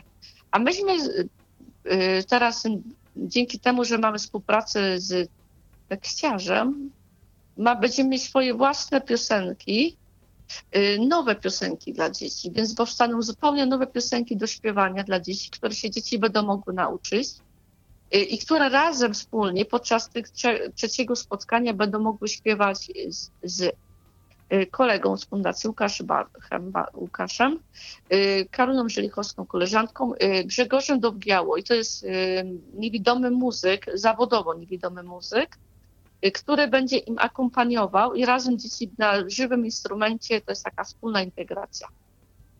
A, I to jest, po to nam też płyta, że dzieci będą śpiewały nowe piosenki i te płyty otrzymają przedszkola również od fundacji w ramach uczestnictwa w tych warsztatach i to też będzie taki materiał edukacyjny dla kolejnych przedszkolaków.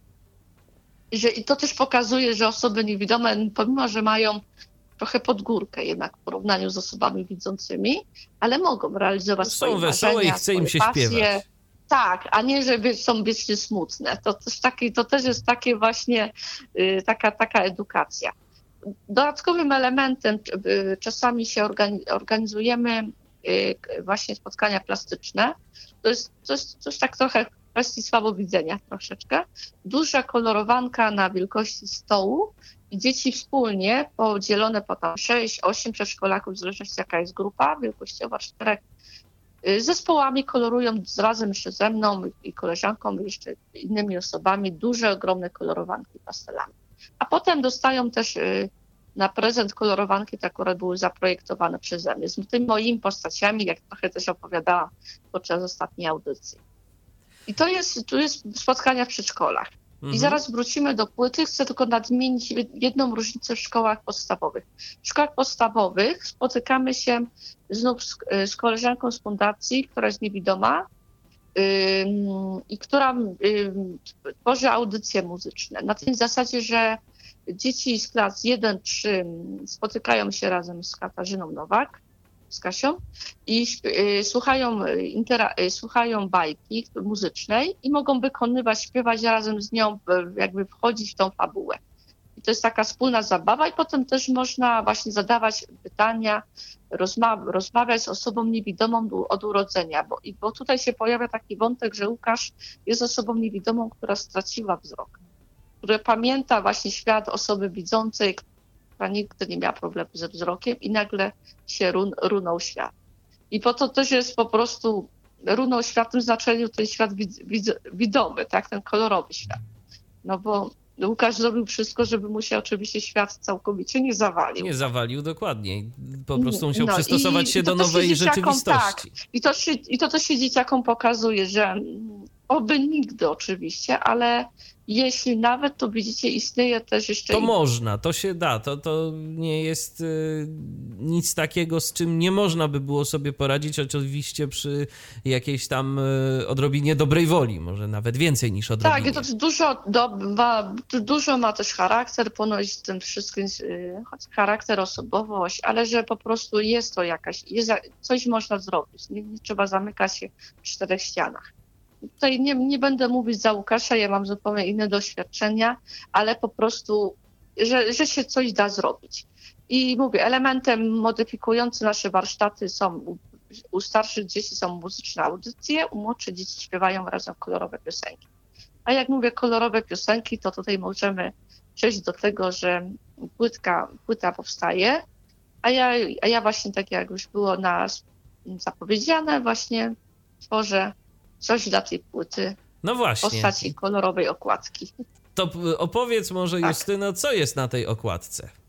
Dobrze. O, zrobię wam, ponieważ tak się składa, a może ja, ponieważ jestem y, na telefonie, więc mogę sobie otworzyć, otworzyć sobie mogę po prostu naszą tutaj projekty. Chwileczkę, muszę tylko sobie znaleźć od mój folder oczywiście i zrobię wam taką audiodeskrypcję. audiodeskrypcję Jasne, no i super. Projektu, skoro po prostu, żebyśmy wiedzieli, jaka jest wizja tej tej okładki. Tej okładki mhm. płyty, tak. Dobrze, to ty poszukaj tej okładki, a ja tylko, tak. tylko przypomnę, że jeżeli wy chcecie do nas e, zadzwonić, jeżeli chcecie e, zadać jakieś pytanie Justynie odnośnie tego, o czym my tu dziś sobie rozmawiamy na antenie Tyfloradia, to możecie pod warunkiem, że słuchacie nas na żywo, a na żywo mam na myśli w piątek 28 czerwca 2019 roku. 123 834 835 120 23 834 835 to jest nasz numer telefonu. Na razie telefonów nie mamy,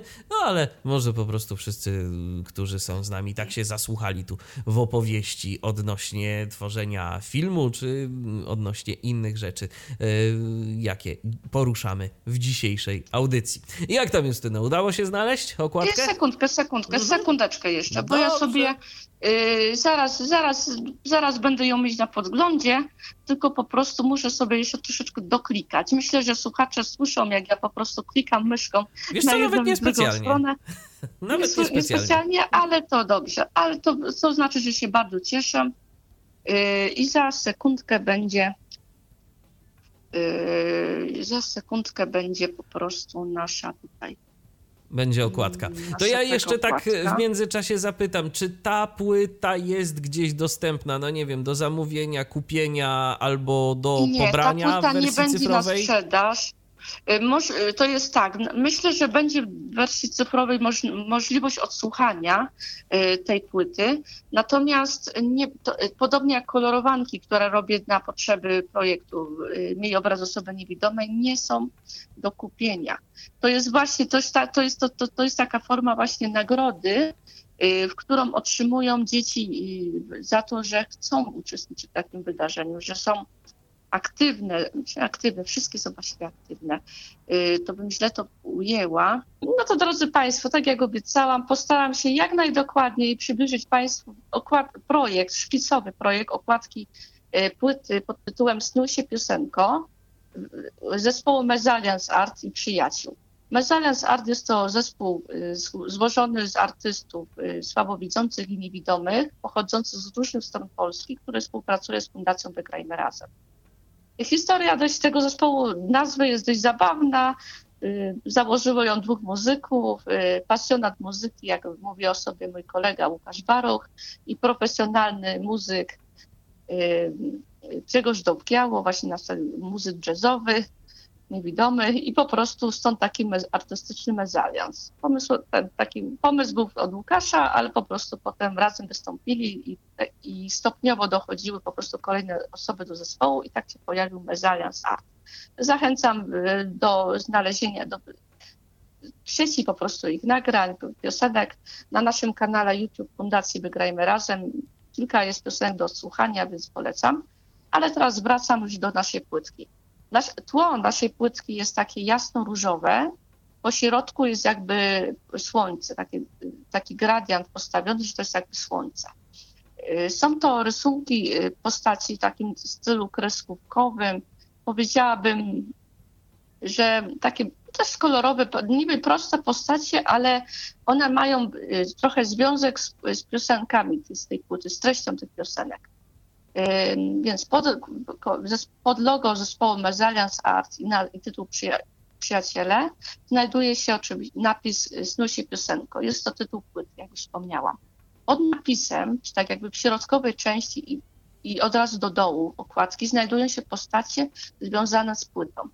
Mamy, mamy postać Biedronki, motyl, Biedronka, Biedroneczka, która jest, y, ma y, buzię w, tak jakby w kolorze takim ciemno-szarym, ale ma na przykład różowe włosy sięgające do ramion. I biedronka jest uczesana mm, tak jakby na prosto, ale ma na główce y, wiosenny wianek. Ponieważ kwiaty, łąka, to jest bardzo dużo po prostu w piosenkach y, się znajduje takiej informacji. I biedronka ma taką jakby żółtą wiosenną sukieneczkę, buciki na obcasach i ona sobie fruwa na tle te, tego różowego nieba. Pod Biedronką znajdują się oczywiście kwiaty, które sam, właśnie są związane z wiosną oraz, oraz mamy z daleka tak jakby takie fale, muzyczną falę, y, gdzie gdzieś sobie tam pływa w oddali y, żaglóweczka. W piosence jest, y, tytuły piosenek dziecięcych traktują także o wakacjach, o właśnie o strykanie fotografii, że żaglówka się kołysze więc mamy naszą żaglóweczkę. W środkowej części, bo Biedronka znajduje się po lewej stronie okładki, w środkowej części mamy tygrysa, tygrysek, ubrany tak jakby w słomkowy kapelusz, y, w, w taką kraciastą koszulę, spodenki z łatą na, y, na y, po prostu, bo to jest taki tygrys, rozbójnik, psotnik z łatką na kolanie, że sobie troszeczkę spodnie poszarpał i ten tygrysek poluje na motyle. Ponieważ jest tam, na płycie znajdzie się piosenka o zwierzętach, że afrykańskich, takich, że w dalekich krajach mieszkają zwierzęta, to taka trochę edukacja dla dzieci, że daleko mieszkają krokody, które jest płaski, y, że tygrys poluje, i takie właśnie cechy charakterystyczne zwierzątek. Więc polujący tygrys, żeby nie było strasznie, to poluje na motyle nad głową tygrysa fruwa mewa, ponieważ to się znów odnosi do tej żaglówki, że z daleka mamy morze, więc fruwa mewa, która ma na sobie czapeczkę papierową w kształcie statku. Tak jak czasami się robiło takie, takie pirackie czapeczki z papieru, to ona ma taką czapeczkę y, z papieru na głowie, żeby było wesoło. Z oddali, no, po prawej stronie płytki, pierwszej strony okładki mamy rakietę, która leci gdzieś w kosmos o tej rakiecie jeszcze zaraz troszeczkę powiem. Pod rakietą jest żółw, ponieważ w piosence znów o zwierzętach jest takie wspomnienie, że żółwie są mądre. To ten mądry żółw ma tak jakby, był w XIX wieku były takie jakby okulary na jedno oko. On taki ma taki jakby okular, taki właśnie monookular na jednym oku, że jest mądry, inteligentny. I ten polujący tygrysek na łące z biedronką i z daleka żółwikiem, to jest pierwsza strona okładki tylnia, tylnia, jakby ostatnia strona, bo nie liczę, liczę jeszcze środkowej części, y, jest to miejsce, gdzie będą znajdować się teksty piosenek.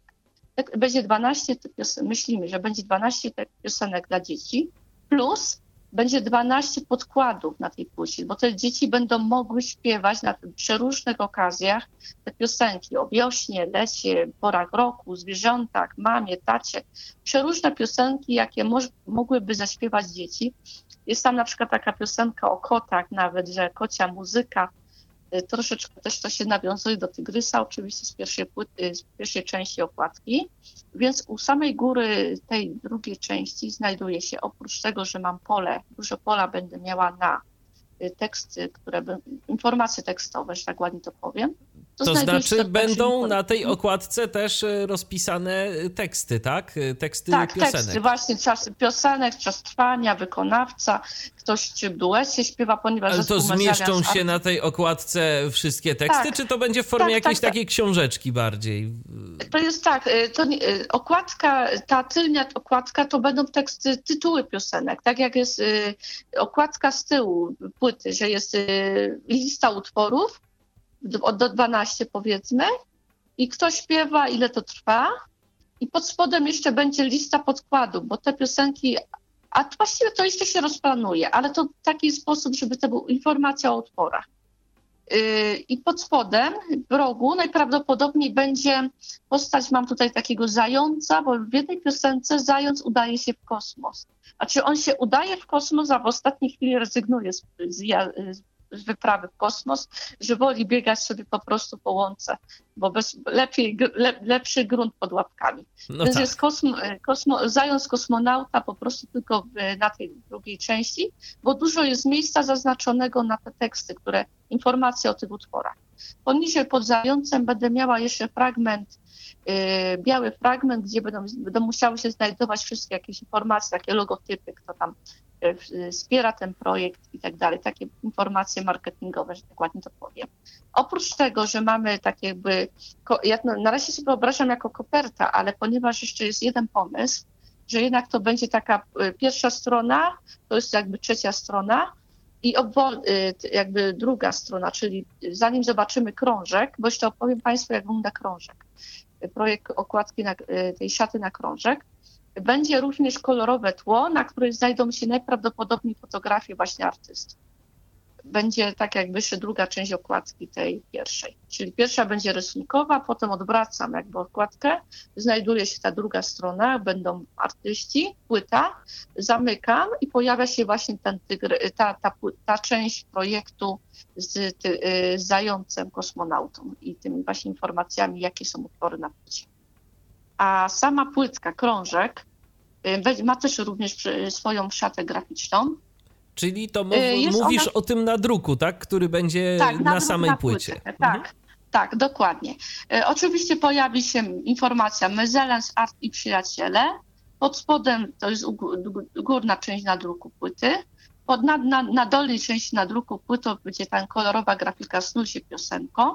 I pojawi się oprócz takiej fali dźwiękowej, która jest tą falą dźwiękową, gdzie tam ta imitowała te morze, pojawi się po prostu biedronka, ponieważ w bardzo dużej ilości, ta, ta biedronka z różowymi włosami wspomniana, bo on bardzo dużej ilości piosenek yy, na płycie jest mowa o biedronkach.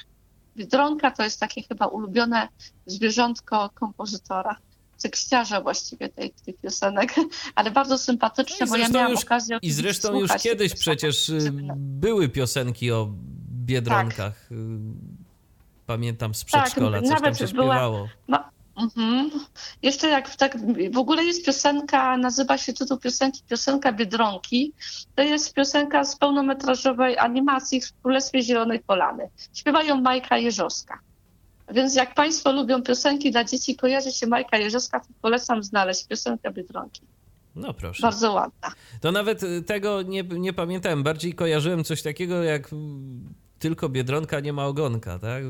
Też było Aha, coś takiego. Ale też, no, ale oczywiście było, oczywiście. No i będą teraz na płycie Snuj się tak, piosenko, tak, nowe piosenki o Biedronkach. Tak, dokładnie. Będzie dużo piosenek. Biedronka się jest coś jeszcze o Biedro Biedronce, ale po prostu dobrze. Biedronka się pojawia w paru piosenkach jako bohaterka też. Jako wątek i zarówno będzie w jednej pewnie jako pierwszoplanowa, bo już nie pamiętam do końca słów piosenek, po prostu pamiętam takie frazy po prostu tytułowe, a, a, w, jed, a w jednej będzie bohaterem, w innych piosenek może być w refrenie, więc pojawia się, parę razy pojawia się słowo Biedronka, więc Biedronka musiała być. O, tak to powiem. Jasne. Mhm. I to Czy jest, jeszcze coś o płycie? I to jest tyle, tak? Jeżeli chodzi o, mhm. jeżeli chodzi o płytę. No, y, myślę, że jeżeli gdzieś tam się pojawi również w wersji elektronicznej, to warto będzie też, y, abyś pod y, tą audycją w komentarzu po prostu umieściła może link, czy na przykład do kanału, tak, kanału myślę, na YouTubie. Jeśli się pojawi, mhm. tak, jeśli pojawią się piosenki w wersji już przygotowane, zmasterowane, nagrane podkłady, ponieważ ja tutaj mówię o słowach piosenek i miałam przyjemność słuchać szkiców tak naprawdę tych piosenek, takich dem. Ale pełne, piękne brzmienia tych piosenek to oczywiście się pojawią. Będą one jako płytę dla przedszkolaków, ale pewnie znając naszą fundację też udostępnimy coś właśnie online dla, dla słuchaczy, więc wtedy pojawią się to. Myślę, że wtedy jak będzie taka możliwość, to poinformujemy. Jasne. No dobrze, to teraz może na chwilę y, przejdźmy do y, Twojej twórczości, bo y, w naszej poprzedniej audycji wspominaliśmy o Twoim kanale na YouTubie, na który to sukcesywnie dodajesz nowe treści, nowe materiały. I co tam ciekawego można zobaczyć teraz? To jest tak, skupię się przede wszystkim na materiałach, które można słuchać, bo po prostu po, bo po prostu będzie najłatwiej. Ja sobie teraz jeszcze tylko sobie wejdę sobie na, żeby miała po prostu. Przypomnijmy może kanał, przypomnijmy może kanał nazywa się Projekt Justy, jak dobrze pamiętam. Tak, tak? Projekt Justy się nazywa kanał, tak. Ktoś mi tu teraz już yy, zaakceptuj, że, żeby mi się nie odzywała zapowiedź kanału, bo jak się wchodzi, jak yy, nie jesteś jako nowy teoretycznie subskrybent, to mi się po prostu pojawia zapowiedź y, na pierwszej stronie, że właśnie opowiadam o czym jest mój kanał. A mój kanał jest. Y, oprócz tego, że są tam wrzucane odcinki moich animacji, jak na tym, na tym etapie mam wrzucone sześć odcinków animacji Całkiem Nowa Baśń, to wrzucam również takie y, filmiki, w których albo rysuję coś, albo opowiadam o czymś. I myślę, że to, o czym, o czym opowiadam, będzie w miarę dość ciekawe y, dla widzów, bo pomimo, że ja mam y, z reguły wgrywaną jakąś tam treść wizualną, to ją komentuję. I tak y, zachęcam gorąco do tego, żeby na przykład można posłuchać mojego tutaj, posłuchać, obejrzeć mojego, moich po prostu filmików i komentować, czy się zgadzacie ze mną, czy nie. Bo na przykład kiedyś poruszyłam taki temat, może to potem będzie temat na przyszłość, czy można się wybić na YouTube na niepełnosprawności? No raczej nie. Ale na przykład czasami pewne osoby się zastanawiały, na, mówię to na przykładach twórców, których miałam okazję śledzić, czy to czy ty udajesz osobę niepełnosprawną. No. A była jaka, by, no. też z drugiej strony było, że któryś e, z youtuberów, jak dobrze pamiętam, to właśnie udawał rzeczywiście osobę mhm. E, niepełnosprawną, tak? To taki miał być tak zwany prank. E, I... Tak, żeby da, dać do myślenia, tak jak po prostu się udawało pewne sytuacje, żeby po prostu skłonić. Jak, to, jak widz jest inteligentny, to myślę, że od razu złapie o co chodzi. Jasne. Y, oprócz audycji, oprócz, oprócz moich animacji, na przykład zastanawiam się, czy, czy na przykład, bo puszczam wideo, ale na przykład jestem narratorem cały czas, czy, czy warto było na przykład nakręcić nową wersję Króla Lwa na przykład, jeśli ktoś lubi filmy Disneya, to mówię, że to taka szybka informacja, że teraz niedługo w wakacje będzie premiera filmu Królew, który wygląda jak y, film dokumentalny o żywych zwierzętach. Ale czy warto było w, w tym w tym pójść. Oczywiście na naszym kanale dzięki uprzejmości redakcji Tyflo Podcast można posłuchać sobie również podcastów. Y, na przykład właśnie o tym nasz, nasz podcaścik o, o, o, o programach graficznych i o robieniu filmów animowanych jest również dostępny na moim kanale. I domyślam się, przykład... że, ta, że ta audycja również tam powędruje. Tak, myślę, że też powędruje, więc y, gorąco zachęcam, choćby do tego.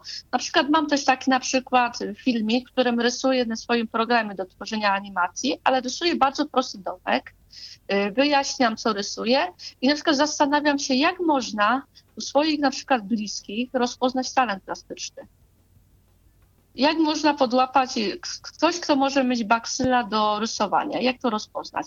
Albo na przykład rysuje rysunek w powiększeniu i, i żeby na przykład zmusić do. To jest takie trochę na kontrę, ponieważ y, ten filmik powstał, bo taką ciekawostkę Państwu zajarzę, że jest jedna z bardzo popularnych twórczyń rysowników, która narysowała rysunek wielkości znaczka pocztowego.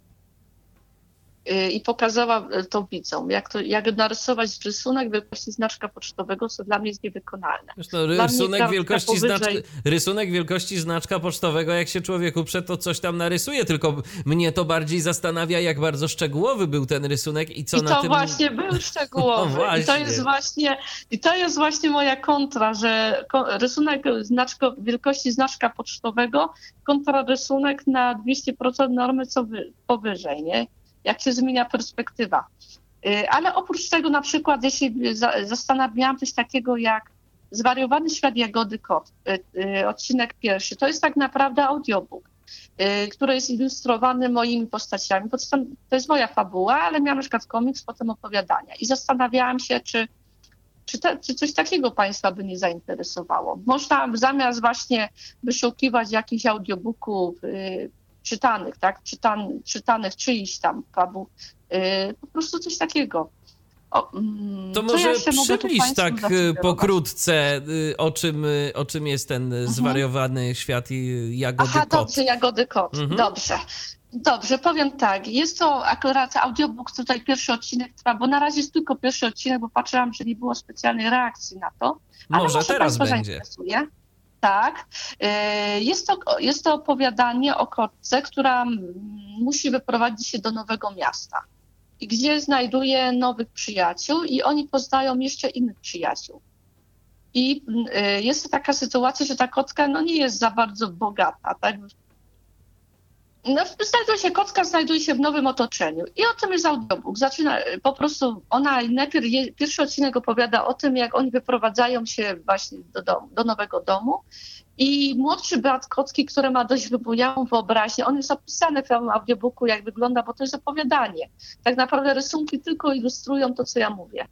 Um, on ma taką wybujałą wyobraźnię, opowiada, to będzie, Jaga, to będzie super dom, wiesz, super sąsiedzi, luksusy, piękna, piękna, piękna kamienica, w ogóle miód, miód i w ogóle złoto i tak dalej, a ten dom się okazuje ruiną, ale ich sąsiedzi okazują się bardzo ciekawymi osobami.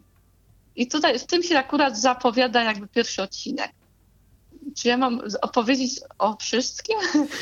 Widzowie niech się przekonają. No do, dokładnie, dokładnie. Jeżeli kogoś to zachęciło, to zachęcamy tym bardziej, aby y, zajrzeć y, na twój kanał Zwariowany świat Jagody Kot, tak? Kot tak to jest się... po prostu tytuł audiobooka, mhm. akurat y, Z ciekawości, odcinek. jak długi jest ten pierwszy odcinek? Ile czasu sobie trzeba pierwszy zarezerwować? Odcinek 10 minut. 10 minut, więc sobie można posłuchać.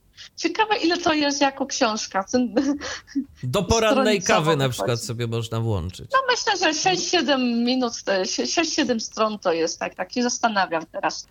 E, ale generalnie, pomimo, że ja, pomijając oczywiście odcinki e, animacji, ale to są dialogi, to w ogóle e, to ja generalnie na swoich audycjach dużo mówię. Jeśli wyjątek, może wyjątek stanowić Chociaż też się zastanawiam, czy nie mówię, nie wiem.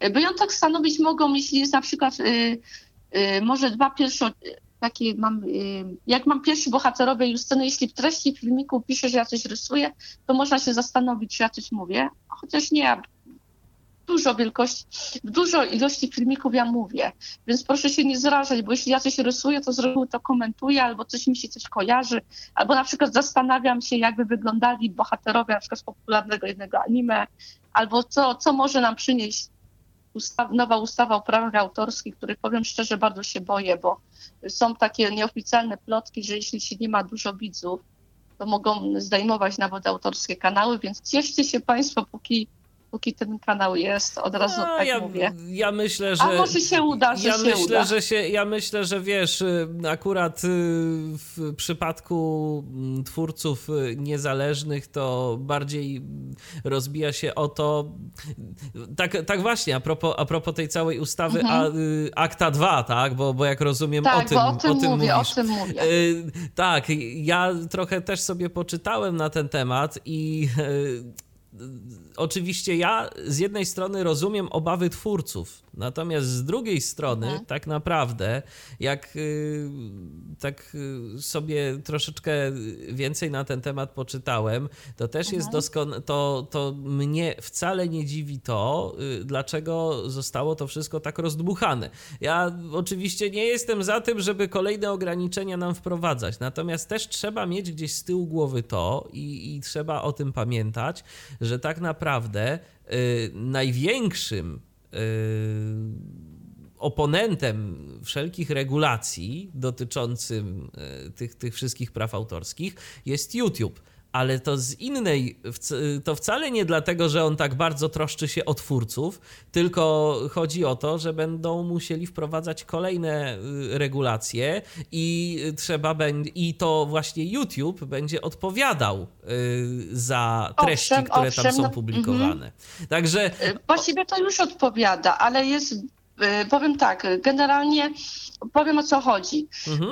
Pomijając kwestię, że jest groźba, że, był, że kanały publicystyczne to mówiły, kanały, które się zajmują komentowaniem rzeczywistości, więc nie tylko bazujące głównie na swoim wkładzie, a tylko mówiącym o źródłach, że będzie problem z cytowaniem, mówili o tym, że z obawy przez to, że YouTube będzie musiał wprowadzić nowe mechanizmy ochrony praw autorskich, będzie miał za małe moce przerobowe, żeby sprawdzać małych twórców.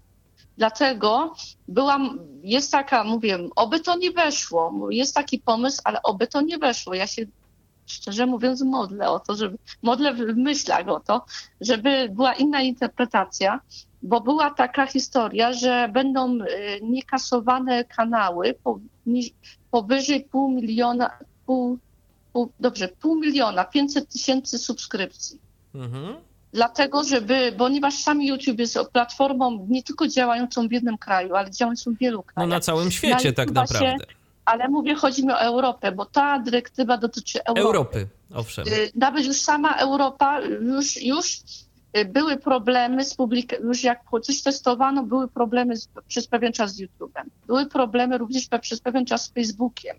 I to ja powiem wprost, bo to dotyczy głównie generalnie też wyszukiwania treści że przez pewien czas była bardzo dziwna. Mam nadzieję, że to był tylko błąd jakiś tam informatyczny, ale dawało to do myślenia, że, że osoby, które redagowały z fanpage'a, miały utrudniony dostęp do własnego konta. Tak jakby dostały bana na kilka dni. A to powiem szczerze, ja tego nie doświadczyłem, a administruję ja kilkoma y, fanpage'ami. Ja doświadczyłam. To ciekawe. Ja właśnie doś... ja doświadczyłam, a ja mam właśnie stricte y, i, to, i ten błąd dotyczył głównie, to się robiło, osób, które wrzucały treści wizualne. A to może dlatego, bo ja nie wrzucałem treści wizualnych, tylko bardziej tak. treści audio. I tu I rzeczywiście. Już było, mhm. I tu mhm. już była, była właśnie taka, e, była już właśnie taka, taki właśnie testowanie algorytmów.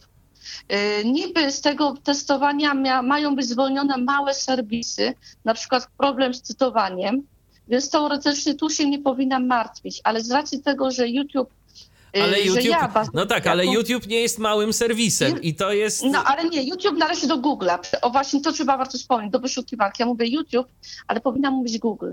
Mhm. Y, z racji tego, że ja jako mały twórca bazuję na tym, że mi ktoś znajdzie treści, które ja sobie jakoś tam powiedzmy pozycjonuję z wyszukiwarki, już będzie to utrudnione przez ten algorytm.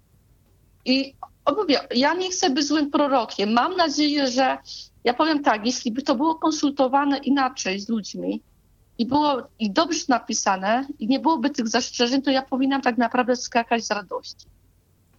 Bo to powinno być tu, to, tak jak tobie, pewnie jako twórcy i mi służyć moim No bo to jest, bo ja to jest w ochronie nadzieję, twórców, tak. tylko, właśnie, tylko właśnie sęk w tym, tylko właśnie sęk w tym i ja też, ja też rozumiem gdzieś tam obawy twórców publikujących mhm. na YouTubie, natomiast wydaje mi się, że, że te obawy są trochę na wyrost, ale z drugiej strony wcale nie dziwię się y, YouTube'owi, że dolewa do oliwy do ognia i tak bardzo promuje te mm, kampanie anty-Akta 2, że tak ją określę. No właśnie nie tak średnio ją promuje. Powiem tak średnio. Wiesz Niby co? się Susan Wojcicki wyjaśniała na ten temat, mhm. ale kanały informacyjne na YouTubie, które informują o tej dyrektywie szczegółowo, szczegółowo informują, właśnie wyjaśniają pewne rzeczy, mają ucinane zasięgi najprawdopodobniej. E, tak, ale to być może teraz, to być może teraz, kiedy to zostało przegłosowane, ale wcześniej możliwe, pamiętam, możliwe. że sam YouTube miał taką bardzo dużą e, tak, kampanię miał, promocyjną, miał tam artyści, tak, tak. tam, tam tak, nawet tak, czy tak. ktoś chciał, czy nie chciał, to się na to natknął, bo było to po prostu jako, jako reklama. Był hashtag po prostu jako reklama. Stop Akta 2, tak? Bodajże taki, taki. Tak, tak, tak, było tak. Mhm. Y, tak było, było tak, oczywiście. To być Ale może powiem, teraz dlaczego coś się mówię, zmieniło. YouTube jest mhm. problem jeszcze z, z, dyrektywą, ponieważ YouTube obecnie, jako mówię, jako osoba, która wrzuca treści na YouTube'a, ma Content ID sprawdzający A, treść. Owszem, ma. I, I uwaga, ten Content ID potrafi Yy, jeśli coś się z nim zrobi takiego, był taki przypadek jednego z youtubera publicystycznego, który musiał napisać odwołanie do YouTube'a, że on z, ma prawa autorskie należące do siebie samego, bo on zacytował samego siebie w bardzo starym filmiku, który kiedyś. No Fragment bardzo starego filmiku, on sam, on sam siebie. I ten problem mogłabym mieć teoretycznie ja też. No tak, jeżeli cytowałabyś, jeżeli cytowałabyś swoje materiały, ale to był ewidentnie błąd y, algorytmów. To, to tak, rzeczywiście. Ale i, fakt i ten, faktem, ten... Mhm. ale fakt faktem, i tu się muszę z tobą zgodzić, bo też to obserwuję, że od jakiegoś y, roku czy tam dwóch lat y, YouTube no, różne rzeczy eksperymentuje w różny sposób tak. z Content ID i z tymi mechanizmami związanymi z ochroną praw autorskich z jednej strony strony, ale też jest druga strona, yy, mianowicie dotycząca tego, że po prostu pewne, yy, na przykład jeżeli pewne słowa kluczowe yy, są tak. zawarte tak. w materiale, jeżeli tak. o pewnych rzeczach się mówi, to, no to nagle prostu, się ucina tak, zasięg. Na przykład kwestia zakłamywania pewnych rzeczy. Jeśli ktoś tworzy blog historyczny i spróbuje powiedzieć za, za, za często druga wojna światowa, to jest szansa, że mu skasują filmik właśnie, bo jest zły, bo właśnie, że jak się wspomina o pewnych problemach politycznych wprost, słowo zamach zamieni trzeba zamieniają na incydent, bo, bo nagle się, bo zdejmą nagle film. To jest to, o czym pewnie chcesz wspomnieć. Tak, oczywiście, tak oczywiście. Natomiast, natomiast tak y, z, drugiej strony obserwując, y, obserwując to wszystko, fakt faktem jest taki, że dziwnym trafem, ale największe problemy mm -hmm. ma ta prawa strona internetu. Tak, która i to jest sobie, bardzo dziwne. Która sobie, która sobie z YouTube'a zrobiła no całkiem niezłą platformę dystrybucyjną swoich e, różnych przemyśleń, Tak, bo poglądów. są zagłuszani, tak jakby drugi obiekt, prawda? Trochę, I nagle tak. się okazuje, i, i, kto, i nagle się okazuje, że lewa strona ma problem, a tak być nie powinno. To znaczy to nie, no lewa, jest... lewa strona problemu, lewa strona problemu nie ma, bo te, bo, Oczywiście, bo bardziej, mówię, nie tak, ma, bo bardziej, nie ma. bo bardziej liberalne podejście do, do wszystkiego mhm. jest e, przez YouTube'a promowane, no. Propsowane, tak, powiedziałabym, tak, że propsowane. Te ich reklamy niektóre tak samo, bo e, YouTuber nie ma oczywiście, jeśli ktoś ma, właśnie to jest też ciekawe, kwestia, e, widzą Państwo, samego YouTuba, że na przykład jeśli chcesz zarabiać na swoich własnych treściach, musisz mieć określoną ilość widzów. I to nie jest kilku widzów, ale no tak. swoje własne treści, z pełną swoją odpowiedzialnością prawda? Bierzemy sobie na, na to, że nie, ben, nie będę szczerze zarabiać na promowaniu treści innej osoby, tylko swojej własnej, a jednak pomimo wszystko jest pewien próg, któremu muszę, y, muszę po prostu ten próg przekroczyć. I ten próg na obecną chwilę to jest tysiąc widzów. I tak jak mówię... Tysiąc subskrybentów, ryzyko, tak? tak, dokładnie. Subskrybenci to są widzowie. Stali mhm. widzowie, tak, zgadza się. I na ten, na ten czas jest to możliwość tysiąc widzów. Jest to, jeśli się jest małym twórcą, jest to bardzo trudno do osiągnięcia. Nawet, a, a realne, realne, że, takie rzeczy kieszonkowe, nie mówię, nie, słyszą Państwo, mówię kieszonkowe, to jest powyżej kilkunastu tysięcy ponieważ y, zarabia się tylko wtedy, kiedy widz, kiedy włącza film, nie przewinie reklamy. Reklamy, zgadza YouTube, się. dzieli się y, z twórcą mniej więcej po połowie. Tak. I te, to, to też w zależności od tego, czy ta reklama jest krót, krótka, długa, czy da się ją przewinąć, bo są takie, co się nie da przeklikać, to wtedy są jeszcze mniejsze e, zyski. Tak, bo te reklamy, Ale których się taka... nie da przewinąć, są krótkie. Tak, i, i niby automatycznie y, jakby dają ten, to kliknięcie, że, ta, że jest reakcja, obejrzał reklamę, to obejrzy, teraz film może obejrzeć. Tylko zarobi mniej. A tak, tylko zarobi mniej, zgadza się. Mm-hmm. No, to tak to sobie... taka ciekawostka też dla Państwa. Ja mówię, tak, zachęcam... To tak, gdyby ktoś chciał zarabiać tak. na YouTubie, to się oczywiście tak, da. Dokładnie. Natomiast ja nie, trzeba... za, ja nie zarabiam. Z moją, z moją ilością widzów nie zarabiam. Głównie używam mojego YouTube'a jako, jeśli chodzi o filmy rysunkowe, jako link y, na konkursy. I tutaj też się obawiam źle zrobionej dyrektywy. Mówię źle zrobionej, ponieważ istnieje ryzyko, że będzie problem z dawaniem linków do swoich rzeczy, nie mówię do czyichś rzeczy.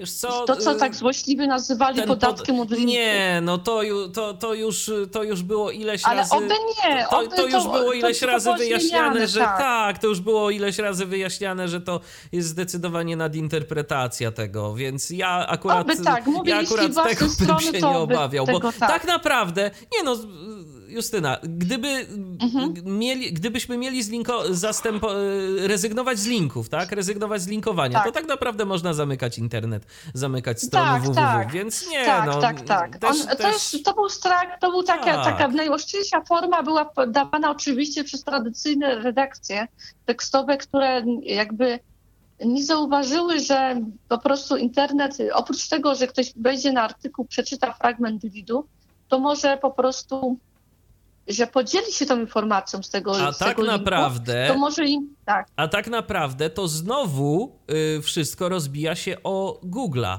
i o y, tak, inną o usługę i inną usługę Google'a i wcale nie o wyszukiwarkę, tylko o usługę wiadomości Google, która to y, mhm. pobiera y, treści z różnych tak, serwisów tak, agreguje. i agreguje i publikuje tak naprawdę poniekąd jako swoje własne, bo tam y, to jest oczywiście dla końcowego użytkownika bardzo wygodne, no bo mamy y, dostęp do różnych artykułów w jednym miejscu i zresztą y, y, wiadomości Google, które swego czasu też prezentowaliśmy w Tyflo Podcaście, to jest o tyle fajna aplikacja, zwłaszcza w naszej rzeczywistości społeczno-gospodarczo-politycznej, że jeżeli chcemy sobie przeczytać jakiś artykuł dotyczący konkretnej sprawy z różnych ujęć, czy to ze strony takiej bardziej centrum, czy prawej, czy lewej, to Google nam to fajnie wszystko agreguje i w jednym miejscu mamy artykuł y, o tym samym tytule albo do, dotyczący podobnej kwestii z różnych serwisów. Więc jeżeli ktoś ma ochotę zapoznać się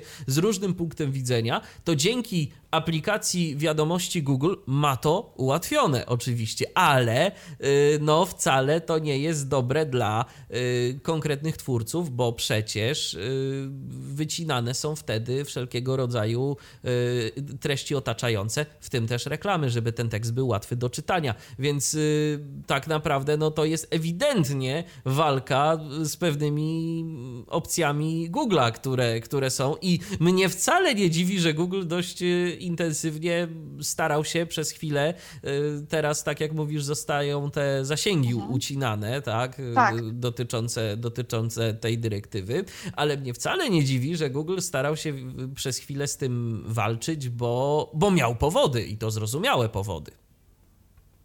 Także inne strony miały też powody. Oczywiście to nie, nie tak, da się te wszystkie duże serwisy społecznościowe, no Wykop tak, chociażby, tak, tak. tak. Fe Facebook. Myślę, że Facebook tak samo. Chociaż Facebook to jest ciekawa sprawa, bo właśnie a propos tych, właśnie tego błędu mówię, że mm, tak jak mówiłam, wiadomości graficzne, niby to sprawdzał, ale, ale ja mówię tak, y, ja byłabym czy ja mówię, ja mam wątpliwości właśnie z punktu tego, że dla mnie internet, y, jak pewnie dla części Państwa, jeśli macie jakieś pasje, jest oknem na świat.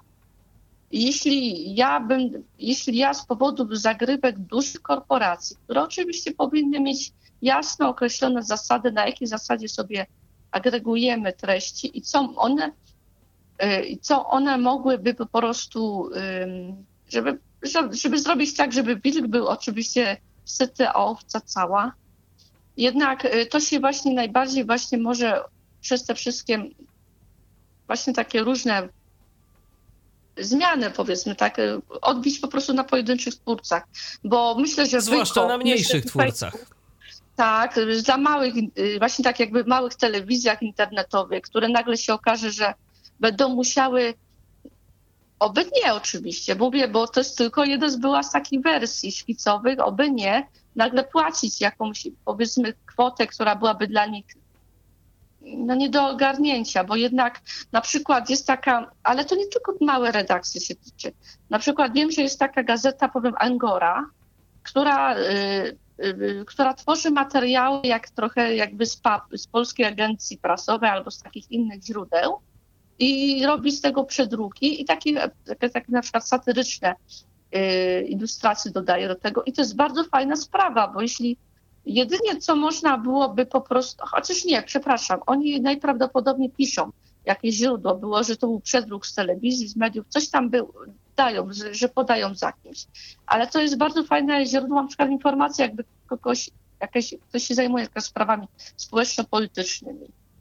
Więc ja myślę, że zamiast po prostu bawić się w jakieś y, kasowanie zasięgów, to się odbije zawsze na małych mediach.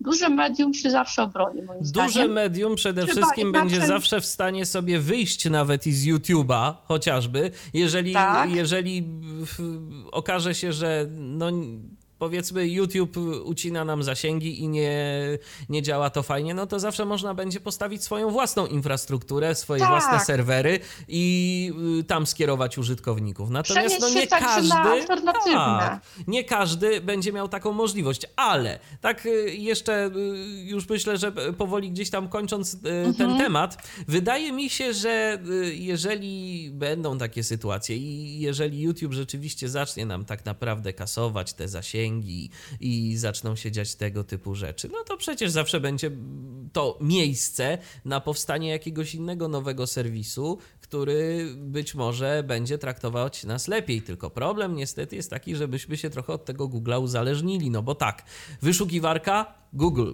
yy, serwis tak. z filmikami. Yy, YouTube. De facto Google, bo Czyli to jest Google. Google. Poczta. Czyli Google, poczta. Google. Google, bo Gmail. E, co tam tak. jeszcze? Dokumenty. Google. E, bo do, dokumenty no, Google czy używam, jakieś, nie lubię, czy, czy jakieś tam arkusze kalkulacyjne. Ja szczerze mówiąc też nie, ale zauważam, że dość e, jest to popularne. No tylko jedyne, co im nie wyszło i zresztą ostatnio zamknęli przecież e, Google Plus, serwis społecznościowy. Czyli, czyli odpowiedź na Facebooka. Tak, tak, to jest Facebook jako serwis tak społecznościowy, tak, tak. bo to nie wyszło Google'owi. Tak, był okropny, jakoś dziwnie się trochę niefajnie łączył z tymi innymi usługami. Y, powiem tak, właściwie są ludzie, którzy mówią wprost, że podwaliną y, tej wojny, oczywiście o tą naszą Akta 2, była kwestia zamknięcia YouTube'a w Europie. I to moim zdaniem poszło w złą, złym kierunku, bo jeśli y, po prostu niedobrze, że nie informowali opinii publicznej i że po prostu za zamkniętymi drzwiami po prostu robią, robią tą dyrektywę. No to jest, bo w ten jest sposób prawda. jest cały ten strach. Tak, I tak to jest naprawdę, prawda, bo, ja mówię, bo wszyscy dobrze by to się, zrobili. Tak, bo wszyscy ludzie się boją tego, czego nie znają, oczywiście. I, i to jest zrozumiałe. I stąd, że... mówię, stąd mówię te kłopoty właśnie ze stronami. Stąd, y, no nic nie poradzimy. Tak się stało, że, że Google stał się monopolistą. Może zamiast y, straszenia właśnie zasięgami, robienia jakichś właśnie z takiego, że nagle małe media nie będą miały gdzie się pokazywać, to może napisać ustawę antymonopolową medialną, żeby udostępnić, żeby był jakiś pasma, nie wiem, dla nowych technologii. Ja wiem, że Chiny, no Chiny brzydki, głupi przykład, ale Chiny mają swój odpowiednik Facebooka, tak? No mają. Rosja ma swój odpowiednik Facebooka, nazywa się w kontakcie. W kontakcie, mhm, oczywiście. Tak, tak. Więc może pójść nie w stronę. Y, mają też swój odpowiednik, mają też swój odpowiednik Google'a, mm. czyli Yandex y, w, w Rosji. Jest o, bardzo a Yandex popularny jest Yandex. u nas. U nas Yandex jest jako druga, tam był takie, y, mówię, czasami mi się Yahoo, Yandex, jeszcze wiem, że był, to może w ten sposób, zamiast antymonopolii, Monopolii, dobrze, monopolo. Mon... To znaczy, ja myślę, że ja myślę, że im więcej. Ja, ja myślę, że no, to zaraz by się podniosły głosy, że jakaś kolejna ustawa i znowu ktoś nam tu chce ograniczać, także. Y, Bo już zrobili tą ustawą niefajną, niefajną rzecz. No tak Zamiast naprawdę, mówię... tak naprawdę tak. to zobaczymy, co z tego wszystkiego będzie, bo teraz jeszcze kwestia, jak do tego się dostosują choćby nasze polskie przepisy, a na to będziemy musieli poczekać jeszcze trochę. Także... Tak, ale jest, oby, była, oby nie zabrali, bo, bo, inne, bo inaczej by oczywiście do tych przepisów podejdzie Francja, inaczej podejdą Niemcy oby dyrektywa nie została potraktowana, że jest jakieś państwo w Europie, które ma najostrzejsze przepisy i te najostrzejsze przepisy mają przejść na całą Europę na no, Raczej myślę, Mówię, że oby tak nie raczej wyszło. myślę, że aż raczej myślę, że aż tak nie będzie i że tu te obawy gdzieś tam są na wyrost. Oczywiście wiadomo, no, że to jest kolejne to są kolejne obostrzenia, tak? I gdzieś tak. tam i to i to no, nigdy nie jest dobrze, jak nas prawo coraz to mocniej ogranicza, bo tak. przecież mamy w Polsce e, ustawę o prawach autorskich i prawach pokrewnych e, i ta ustawa tak, i ona już twórców. Swoje, swojemu, swoje, właśnie ma swoje zapisy. Tak, e, to... tak samo jak wszyscy mówią o torrentach, ale przecież można torrentem pobierać nie tylko czyjś film, a może twórca chce się wypromować, tak? Jeśli wyrazi zgodę, a może pobierać tak zwane wolne oprogramowanie. Oczywiście. Które tak. twórcy otwarte, tak? Choćby ten cały. Dlaczego, dlaczego na przykład, jeśli mówimy o prawach autorskich, to a jesteśmy przecież w audycji tak technicznej, to odpowiedzmy sobie pytanie, dlaczego w większości y, komputerów jest instalowany domyślny system Windows?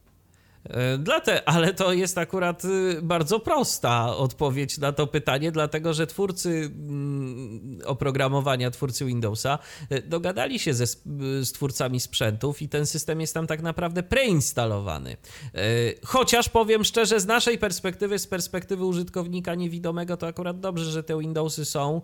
No, ale to jest taki bo, przykład, bo, tak? bo inne jednak, tak nie mają jeszcze rozwiązań. Bo jednak najlepiej y, dostępnym systemem systemem jest Windows. No wiadomo, jest jeszcze macOS, ale dostępność Linuxa. No można oczywiście, ale. Ale daję taki przykład. Ale działa taki przykład, ale gdyby były. Działa to jednak troszeczkę gorzej. Mhm. Ale gdyby były inne rozwiązania, to kto wie, może ta, in, ci dystrybutorzy sprzętu, może ci ludzie, co robią sprzęt specjalistyczny, oprogramowanie, może było jeszcze, może by mieli też inny horyzont, że nie tylko mają pracować nad środowiskiem Windowsowym, ale także na innym, prawda? A i owszem. Tak, ja byłabym bardziej, ja bym była cały, ja bym zamiast za akta 2, czy jak je tam inaczej nazwać, byłabym za ustawami antymonopolistycznymi które tak, to by wyszło które tak naprawdę, które tak naprawdę tak czy inaczej yy, uderzałyby w y, tych gigantów y, sieciowych, y, chociażby w Google'a. I też podnosiliby, tak. i też podnosiliby Larum i też Ale ludzie nie byliby że... straszeni tym, że nie, będą, nie, nie mogliby dziś po prostu publikować swoich treści. Wiesz co? Wiesz co? A ja się zastanawiam, czy wtedy, czy, bo to wszystko zależy od tego, jak zinterpretujemy mhm. to i czy wtedy na przykład tak. Google też nie podnosiłby alarmu, że o, będzie ustawa antymonopolistyczna, tak? I że y, jak tak dalej pójdzie, to skasują nam YouTube'a i nie będzie można y, publikować na YouTubie treści. To wszystko zależy też od tego, jak, dany, jak dane zagadnienie się zaprezentuje. Tak, tak, tak, oczywiście, to zgadza się. No. Ja, tylko, ja tylko mówię, że to, co y, to, to, to niejasność, tak, ta niejasność, ta po prostu to, że ta historia z tymi subskrypcjami, mało tego, jeszcze kiedyś na, był swego czasu na YouTube jeszcze inny błąd się pojawił. Ponieważ, y, ponieważ nagle potrafił, na przykład załóżmy, że mamy swoich ulubionych, y, y, swoje ulubione kanały, 20 swoich kanałów ulubionych. I przez pewien czas funkcjonował taki błąd, że YouTube potrafił nam dodać do subskrypcji kanały, które może kiedyś oglądaliśmy jakiś filmik, ale nie chcielibyśmy go subskrybować. I była też taka właśnie historia, żeby sprawdzać na kanałach, czy przypadkiem nie ma tam jakichś kont, które byśmy na przykład nie chcieli, żeby ludzie postronnie widzieli, że my to subskrybujemy. Szczerze mówiąc, ja się z czymś takim nie spotkałem, y, ale słyszałem też y, historie takie, y, mhm. że mm, na przykład bo mamy coś takiego na YouTubie jak ikonkę dzwoneczka, tak? To tak, dla, powiadomienia, tak, tak czyli, że, czyli że... powiadomienia mhm. o każdym filmie. Y, to jest tak. Y, coś takiego, że jak włączamy subskrypcję danego kanału, możemy sobie wybrać, czy chcemy otrzymywać okazjonalne powiadomienia, czy nie chcemy tak, otrzymywać żadnych czas. powiadomień, bo to teraz tak. ostatnio w ogóle doszło, to jest ciekawostka, ale możemy sobie też wybrać, że chcemy otrzymywać wszystkie powiadomienia na temat wszystkich filmów. I mhm. była ponoć taka sytuacja. Ja się z tym nie spotkałem, szczerze powiem. Ja tylko o niej słyszałem. Yy, I yy, zresztą to jest w ogóle taka, cieka- to jest w ogóle taka ciekawostka. Ja mam akurat e, zasubskrybowanego takiego też e, mhm. twórcę YouTube'owego, który, którego e, spotykają wszelkie nieprawości tego świata i on jest zawsze strasznie nieszczęśliwy i zawsze pokrzywdzony i zawsze coś mu się dzieje i zawsze mu to, ten zły mhm. YouTube chce y, zrobić różnego rodzaju rzeczy. Mam na myśli Atora. No po prostu... Aha, wideo prezentację. Po, po, tak, wideo prezentację. No po prostu człowieka zawsze jakieś nieszczęścia spotykają. Ja nie no wiem. Ja, tak, tak, tak. A czy akurat on prezentuje dość ciekawe rzeczy. Y, niektóre, ale, powiem, ale rzeczywiście on zwraca uwagę na, na, na tę historię z dzwonaczkiem, tak. Tak, tak. Mówię, I właśnie y, pamiętam, jak y, on o tym opowiadał, że, że mu zasięgi poleciały, tak? Że mu subskrypcje tak, tak. poleciały. Ja sprawdzam, no kurczę, no ja mam jego subskrypcję i mi się nic nie stało, więc pytanie. Ale dlaczego? na forum tak, ale to jest tak, że, bo on właśnie ma niepoprawnie polityczne treści. I on faktycznie mhm. na, potem, y, bo on potem też pokazywał wykresy, też, bo on ma też grupę swoją na Facebooku. Tak, tak, tak. I tam rzeczywiście pokazywał ten żółty dolarek słynny, że, że faktycznie jeśli nakręcił coś właśnie antypolitykolubnego dla YouTube'a, to rzeczywiście tak się działo. I rzeczywiście było nie parę, on jeszcze miał kilka publicystycznych tam ma kont związanych i inni ludzie z tego kręgu też mieli problemy. Rzeczywiście, to jest ciekawa sprawa. To jest, to jest właśnie ta kwestia tego, tego y, dlaczego prawi, on niby, on niby nie jest prawicowy, ale YouTube go widzi jako, widzi jako prawicowy. Nie, no on, jak, tak, on jak ja jego... tak mówi. Nie? Tak, on, mu, on mówi, ale z, ale z treści, jakie widzę, to tam raczej, to tam raczej prawa strona, jeżeli chodzi o politykę. Prawa strona, tak, jeżeli chodzi tak. o politykę, dlatego ja bardziej zawsze się skupiam na tych jego tematach pozapolitycznych, bo po prostu... Tak, ja, bo, bo, bo, tak, jakieś ciekawostki, tak, jakieś takie, tak. jakieś takie rzeczy, ale jak już słyszę, jak gość zaczyna gadać o polityce, to po prostu wyłączam od razu, bo, bo, bo po prostu no już dla mnie to jest za dużo najzwyczajniej w świecie. To jest tak, jeśli mu się trafi, jeśli tak czasami same złe rzeczy, teraz na przykład wiem, widzę po tytułach o podatkach, tak. Że o tym ZUS-ie, no to nie jest fajna sprawa. On w sumie dobrze sygnalizuje takie rzeczy. Można Oczywiście, się z nim zgadzać, tak. można nie zgadzać, ale jest faktycznie jest pewne zagrożenie. Tutaj akurat mówię. Oprócz tego też to właśnie fajne w jego w ramach, on się na współpracę z historykiem Pawłem, jeśli się ma na imię ten historyk. Bardzo fajne sprawy historyczne. On jest takim historykiem działającym, że on pokazuje aktywnie fajne rzeczy. A jeżeli, tak chodzi o, jeżeli chodzi na przykład o kanały historyczne, to jest ten y, fajny kanał tak y, w takiej bardzo luźnej historia formie. Bez cenzury. Oczywiście, historia bez cenzury w bardzo, kanał, w bardzo w ogóle, luźnej w ogóle formie polecam podany. Państwu, tak, dokładnie. Jeśli nie lubiliście, nie lubiliście Państwo historii, to dzięki temu kanałowi polubicie. Oczywiście wa warto polimaty tak samo. Teraz no, polimaty, formę tak, albo na przykład uwaga, naukowy bełkot. Y, też bardzo no, fajny tak, kanał. naukowy bełkot, bardzo fajna sprawa. Natknęłam się w ogóle sympatyczna audycja y, o autyzmie. Był go prawie, że ponad godzinny był, nie wiem czy właśnie jeszcze jest dostępny u nich ten film, ale fantastycznie tłumaczył, jak postrzegają świat osoby autystyczne. Przefantastyczna sprawa. Tak. To... Y, z kanałów, które warto polecić dla, dla Państwa słuchaczy, to jest Widzę Głosy bo tam jest właśnie to, co za, y, zajawiliśmy na naszej pierwszej części podcastu, czyli, czyli właśnie to wchodzenie w rolę postaci, którą się wy, wymyśla.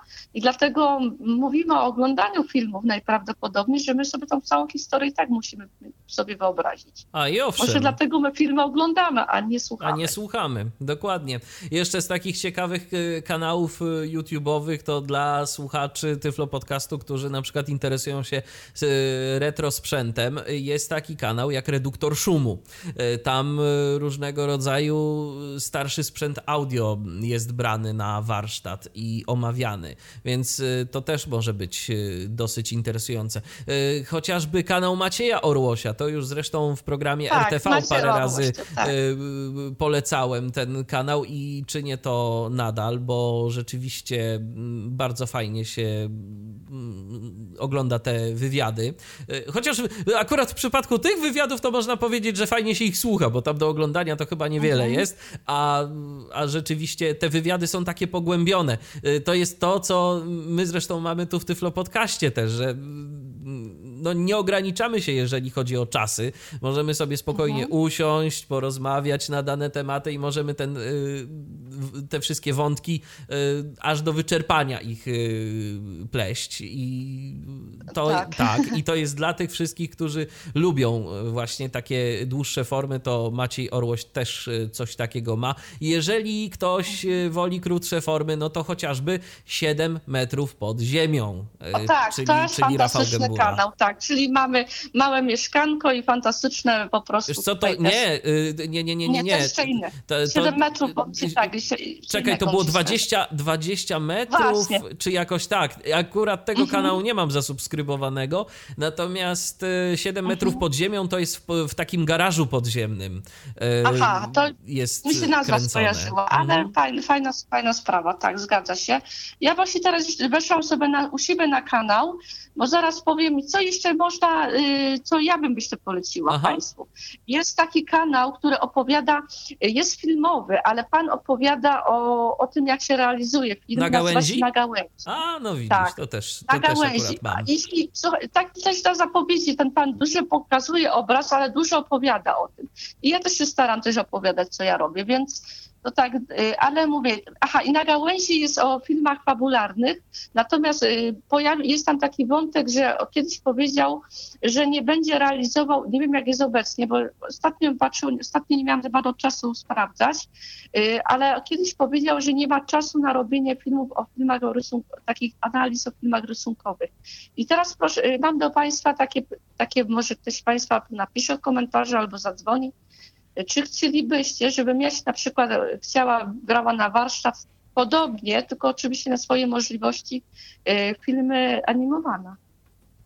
No rzeczywiście, to też może być fajne, żeby posłuchać.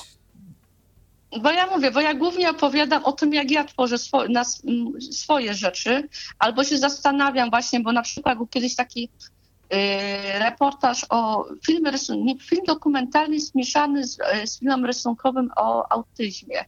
Dlatego też tak naukowy bełkot mi się tak właśnie przypomniał, bo, y, bo to też jest ciekawa sprawa, jak są osoby autystyczne postrzegane we filmie, a jak to jest w praniu. Dla tych wszystkich, którzy się interesują informatyką i to taką informatyką e, bardzo współczesną, wszelkiego rodzaju zagadnieniami związanymi z administracją, z nowoczesnymi technologiami, to ja mogę polecić kilka takich kanałów. Jest taki kanał Pro Idea Events, Pro Idea Events się to pisze. Jest kanał, e, na którym e, różnego rodzaju konferencje e, organizowane przez te, mm, to jest zdaje się fundacja chyba, czy jakaś, nie wiem dokładnie jakie, jaka jest forma prawna e, tej e, instytucji, natomiast no w każdym razie jest ten kanał i można tam sobie oglądać różnego rodzaju rzeczy. Jest taki kanał Sysops mhm. DevOps Polska, też o, bardzo też fajny, te, też bardzo fajny kanał, zresztą grupy na Facebooku są tej społeczności bardzo interesujące tematy tematy, bardzo fajne zagadnienia, takie wykłady po 40 minut każdy, można sobie mm, pooglądać. E, jest na przykład taki kanał jak Pasja Informatyki. To z kolei dla szczególnie uczniów techników, bo to są zagadnienia dotyczące wszelkiego rodzaju takich tak naprawdę podstaw, ale takich podstaw dość fajnie wyjaśnionych, bo są e, zajęcia z programowania, e, z tworzenia stron internetowych, e, z administracji serwerami i to prowadzi dwóch nauczycieli informatyki. Jest taki kanał jak Jarosław Karcewicz. On kiedyś już ten kanał założył. Tam przez chwilę nie działo się zbyt wiele, ale jakiś pamiętam film mnie zainteresował i okazało się, że właśnie pan Jarosław postanowił wejść dość mocno w tego YouTube'a i tam e, na tym kanale opisuje różnego rodzaju rzeczy związane chociażby teraz z wirtualizacją. Wcześniej było na temat e, obsługi routerów, firewalli sprzętowych, jak to wszystko sobie pokonfigurować, jak tym zarządzać, jakie są rzeczy. Także bardzo też fajne rzeczy rzeczy.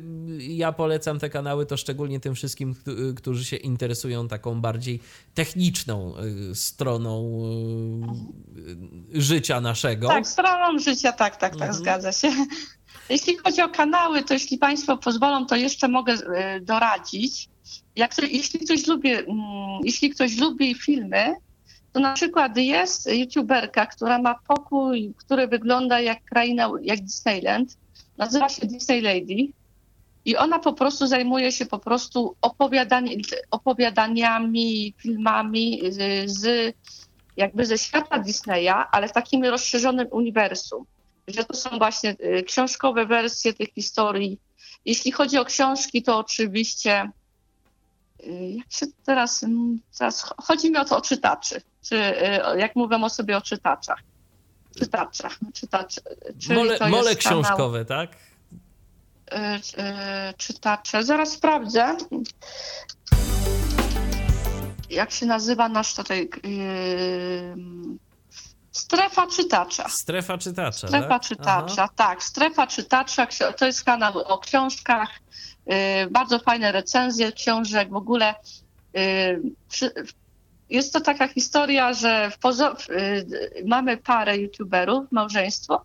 Ich, ich, po prostu, ich po prostu pasja wspólna zaczęła się od Harry'ego Pottera, a skończyła się na przeróżnych książkach. Przeróżnych, przeróżne. Niektóre recenzje bardzo szczere, ale fantastycz, fantastyczne, jeśli ktoś lubi książki. książki. No też zresztą yy, jest sporo mhm. takich kanałów y, dotyczących e, różnego rodzaju mm, zagadnień kryminalnych, jeżeli kogoś to interesuje. Mhm. Choćby ten y, taki kanał niediegetyczny, on się nazywa. On, tam, tam pojawia się mnóstwo różnego rodzaju opisów y, dotyczących kwestii kryminalnych, różnych, różnych zbrodni. Jest też taki kanał jak stanowo.com. Na tym Stanowo kojarzę. Na, kojarzę, tym, na tym kanale kiedyś y, Jaśmin y, prowadząca y, właśnie jest pod takim pseudonimem, nie wiem czy to jest jej imię, czy, czy, czy, czy pseudonim bardziej, chyba pseudonim mhm. bardziej, ale w każdym razie tam kiedyś opisywała swoje życie w Stanach Zjednoczonych, a potem jak już się chyba z tego tematu trochę wypstrykała, to zaczęła opowiadać o różnego rodzaju kwestiach kryminalnych. I na tym kanale co jakiś czas się pojawia dość fajny też y, materiał dotyczący jakiejś tam kryminalnej zagadki. Y, jest też kanał, który y, został podpowiedziany i ja go sobie zasubskrybowałem pod jedną z naszych ostatnich audycji, mianowicie mhm. dotyczący Chin, czyli kanał Weroniki Truszczyńskiej. A tak, tak. Ona tak. po prostu tak, mieszka w, mieszka w Chinach i to właśnie o tej masy rzeczy się od niej można dowiedzieć, tak, tak, tak.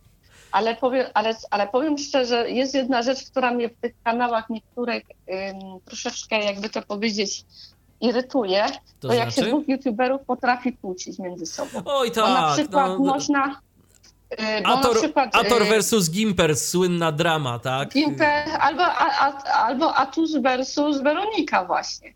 Ponieważ taka ciekawostka jest, że na jednym, na jednym z ze swoich filmów Ator robił ciekawostki o Chinach. O Chinach, I tak, tak, tak. się na jednym z po prostu z artykułów i rzeczywiście Weronika na jednym ze swoich filmów również powiedziała, że to zjawisko ma miejsce w Chinach, ale było to dość dawno. No i po prostu ona zrobiła po prostu filmik, jak to się mówiąc obiektywnie, odnosić się do opinii Atora, aczkolwiek miejscami mam wrażenia, że troszeczkę chciała go zdenerwować, no.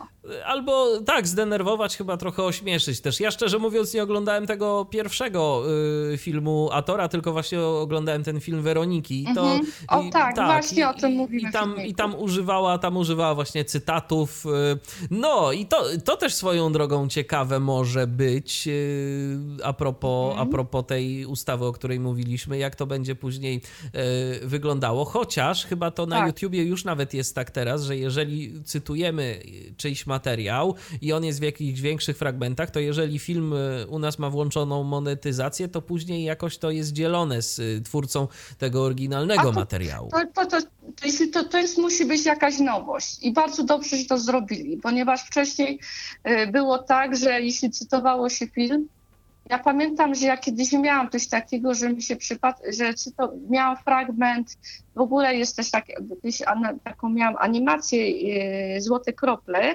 To jest polska animacja, która łączyła tak technikę 3D. Yy, mam też zasubskrybowany kanał twórców tej animacji pełnometrażowej i pamiętam, i pamiętam, że yy, i pamiętam, że właśnie Y, YouTube tam takie ustawienie po prostu było, że cytowałam sobie, y, pokazywałam fragmenty tej animacji no i wypowiadałam się na ten temat, tak mhm. na moim odczuciu o tym filmie. I pojawił mi się wtedy, y, pojawił mi się wtedy, mm, bo ja miałam, bo ja oczywiście mam tyle widzów, że no nie ma możliwości zarabiania, tak? I pojawił mi się wtedy znaczek, no tam, że tam, że cytuję, że tam taki niebieski symbol C, było. Ale w każdym bądź razie to, to jakoś tak sugerowało, że ja w sumie nie powinna mieć chyba tego filmiku. Ja to tak przynajmniej tak to wtedy pamiętam, zrozumiałam i o, koniec końców usunęłam te filmiki, bo ja miałam na swoim kanale właśnie też takie mini recenzje, trochę tak jak, y, trochę, no troszkę tak jak właśnie na gałęzi. I, i, I dlatego może potem skupiłam się głównie na, na swoich rzeczach wrzucaniu. Tak typowo stricte. Chyba, chyba mam tego króla bo yy, że właśnie analizuję po prostu sobie tam jakby zapowiedź tego, tego nowego filmu i tutaj wygląda na to, że nie ma problemu. Mhm. Ale i właśnie mówię, dobrze, że to wprowadzili. Coś to mnie bardzo cieszy. Zdaje się, że tak jest, aczkolwiek, aczkolwiek ja no też nie, nie jestem jakimś youtuberem yy, z perspektywy twórców, więc ciężko mi tu się tak, więc ciężko mi tu się jakoś yy, więcej wypowiedzieć, ale coś zdaje się, że tak, że zostało to zmienione. To jest fajnie, jeśli I to dobrze. jest docenione, że ktoś cytuje po prostu kogoś, ale recenzuje coś, bo właśnie tu był ten strach, że był właśnie obaw, nie tylko ludzie tam politycznie, tak, wypowiadający się tam, jak mówię, Gator i tak dalej. No tak, ale też kwestie tak, związane z prawami yy, autorskimi, tak? Recenzy, po prostu, tak? po prostu, jeżeli na przykład, no chociażby yy, jest taki youtuber jak Niekryty Krytyk, tak? On o, z tak, reguły właśnie. ośmiesza on, wszelkiego on rodzaju paradokumenty. Tak przemyślenia. A nie tylko paradokumenty, produkcje A, wiesz filmowe, co, ale, teraz ale głównie, mało rzeczy publikuje. Głównie, teraz głównie niekryty tak. to paradokumenty, przemyślenia tak. niekrytego jego krytyka. Ulubiona, tak? Je, tak, tak, tak. Jego ukryta prawda i tak dalej, dlatego nie tak. oglądam teraz jego kanału, bo jako, jako audycje radiowe, jak miał takie stand-upy, bo on do tego zaczął, były przefajne, e, filmy rysunkowe i tam inne znane, takie bardziej, jak miał swoje zdania tam na tych postaci, bardzo fajne, ale jak zaczął się za paradokumenty brać, to ja jakoś, nie wiem, mam go w subach, ale jakoś nie, nie oglądam. Mm-hmm, mm-hmm. No, także y, to są, to są rzeczy tego typu. Mm, tak zastanawiam się jeszcze nad y, jakimiś y, kanałami, które warto by było y, polecić y, naszym słuchaczom? Może Fundacja Wygrajmy Razem, skoro już mówimy no na właśnie, początku. No właśnie. Skoro zaczynamy od warsztatach, to Fundacja Wygrajmy Razem ma swój własny kanał. Nazywa się po prostu Fundacja Wygrajmy Razem, ale Fundacja Wygrajmy Razem jeszcze przedwcześniej, zanim nie miała swojego kanału, to, info, to artyści fundacji związani, współpracujący z fundacją również zamieszczają, zamieszczają i nie mamy nic przeciwko temu, materiały związane z naszą działalnością. To tak a propos podchodzenia do praw autorskich. Trzeba być po prostu miłym i sympatycznym. Jeśli tworzy się coś wspólnie, to się nie powinno mieć pretensji do tego. Więc jak jesteśmy na kanale Fundacji Wygrajmy Razem, to oprócz tego, że można posłuchać całych koncertów naszych artystów dostępnych na tym kanale, można też y, y, posłuchać materiałów y, związanych z naszą akcją Miej obraz osoby niewidomej oraz zobaczyć vlogi Łukasza Barucha, który po prostu jako osoba niewidoma gotuje, piecze to jest też, tak, pokazujemy te filmy dzieciom, tak, tym starszym zwłaszcza tak samo, żeby pokazać, że takie osoby właśnie też potrafią być samodzielne i tak dalej. Oczywiście można. Oprócz tego mamy również nasze filmy rysunkowe, mm, filmy rysunkowe w ramach właśnie warsztatów animacyjnych i y, fragmenty koncertów, w którym biorą udział nasi artyści. Więc tutaj gorąco zachęcam Państwa do dania suba tak. dla Fundacji Wygrajmy Razem. A Funda... kanał nazywa się Fundacja Wygrajmy Razem. Fundacja Instytut Rozwoju Regionalnego też zresztą ma swój kanał na YouTubie. Tak, też, tak. też zapraszamy. Tak, też tak, zapraszamy. Oczywiście. Tyflo Podcast też ma swój kanał na YouTubie, aczkolwiek y, ja muszę się kiedyś zebrać i spróbować, ale to mhm. już jest większa ekwilibrystyka. Y, żeby jakoś te nasze dotychczasowe podcasty, wszystkie, których jest y, no 1500 ponad, y, przenieść to na, byłaby fantastyczna na biblioteka po mm, prostu. Tak, byłaby na... gorąco zachęcam. Biblioteka byłaby naprawdę duża, tylko to jest jakby, y, wiesz, wyzwanie, wyzwanie technologiczne, bo trzeba to jakoś mhm. zautomatyzować, bo ja sobie nie wyobrażam, by to wszystko przenosić ręcznie, plik po pliku, bo to jest ponad 10 e, lat e, naszej pracy, tak, naszych działań. To jest, tak, to trzeba byłoby po pierwsze te pliki skonwertować na taki plik udający wideo. Tak, na MP4. Ponieważ, e, dokładnie. Tak, MP4. Czyli najprościej trzeba byłoby dać tak naprawdę grafikę cyklu podcastu MP4. Tak. Zastanawiam się, czy teraz przy publikacji na YouTube'a można bez problemu publikować więcej prac niż jedną natychmiast. Są automatyczne, są narzędzia, które to automatyzują. Są narzędzia, tak. które to automatyzują, tylko ja po prostu muszę coś znaleźć takiego, co by mi umożliwiło mm, bezproblemowy wrzut aż tak dużej mhm. ilości materiałów, a to już jest jednak wyzwanie, bo nasze podcastowe archiwum się rozrosło troszeczkę. Tak, tak, do gorąco zachęcam, gorąco zachęcam do tego, fantastyczna tak, wiedza, by też... zwłaszcza, że teraz podcasty są bardzo, e, nawet nasze tutaj polimaty ulubione, można słuchać jako podcasty, właśnie tą nową formułę mają, właśnie zawsze ten Radek mówi na końcu, że e, jeśli, e, jeśli słuchacie nas jako podcastu, to sobie pomyślcie, o tym zagadnieniu, a jak nie, to możecie skomentować. A i owszem, także rzeczywiście. O, jest jeszcze taki, jest jeszcze taki kanał jak Imponderabilia. E, też takie bardzo, bardzo poszerzone wywiady z różnego rodzaju twórcami. E, dla tych wszystkich, którzy się interesują na przykład językiem polskim, jest kanał Mówiąc Inaczej Pauliny Mikuły. Tak, no, o właśnie, też, Mówiąc też Inaczej, bardzo fajny tak, kanał. tak, tak, bardzo fajny kanał. Jest też oczywiście po cudzemu, teraz tak jak idąc po, mówiąc inaczej, to mamy również po angielsku, jak się można w końcu nauczyć prawidłowej wymowy tych słówek, które wiecie Państwo, nie brzmią y, w pisowni tak samo jak w wymowie, zwłaszcza Owszem. z punktu widzenia Polaka. Tak. Więc a też, też jest, jest właśnie prowadzone w tak fajnej formie, jak mówiąc inaczej. Więc rzeczywiście dla każdego znajdzie się coś miłego i tak naprawdę wystarczy na tym YouTubie trochę bardziej pogrzebać, a znajdziemy e, fajne rzeczy i to jest rzeczywiście bez wątpienia plus. No mówiliśmy o tym, że trochę się uzależniliśmy wszyscy yy, też jako twórcy gdzieś tam od YouTube'a, ale z drugiej strony to jest bardzo fajne narzędzie, że w jednym miejscu mamy naprawdę różne treści. Jeżeli kogoś interesuje polityka, znajdzie różnego rodzaju treści polityczne. Jeżeli kogoś in interesują nowoczesne technologie, proszę bardzo, znajdzie. Jeżeli kogoś interesuje lifestyle, znajdzie coś dla siebie. Jeżeli kogoś e, interesują jakieś jeszcze inne zagadnienia, też e, ma możliwość, wystarczy po prostu użyć tej wyszukiwarki, która nam tam wyskakuje e, w YouTubie i w zasadzie możemy sobie spersonalizować taką własną playlistę, bo mm, jeżeli mamy tak, subskrypcję... Tak, i to pomaga waszym tak. ulubionym twórcom. Oglądanie filmów w playlistach yy, pomaga, można właśnie sobie puścić jako radio, po prostu również i tak samo słuchać. Owszem. I taka jeszcze mi się yy, dygresja nasunęła a propos YouTube'a. Albo powiedz, bo mi chyba wyszedł mi wątek.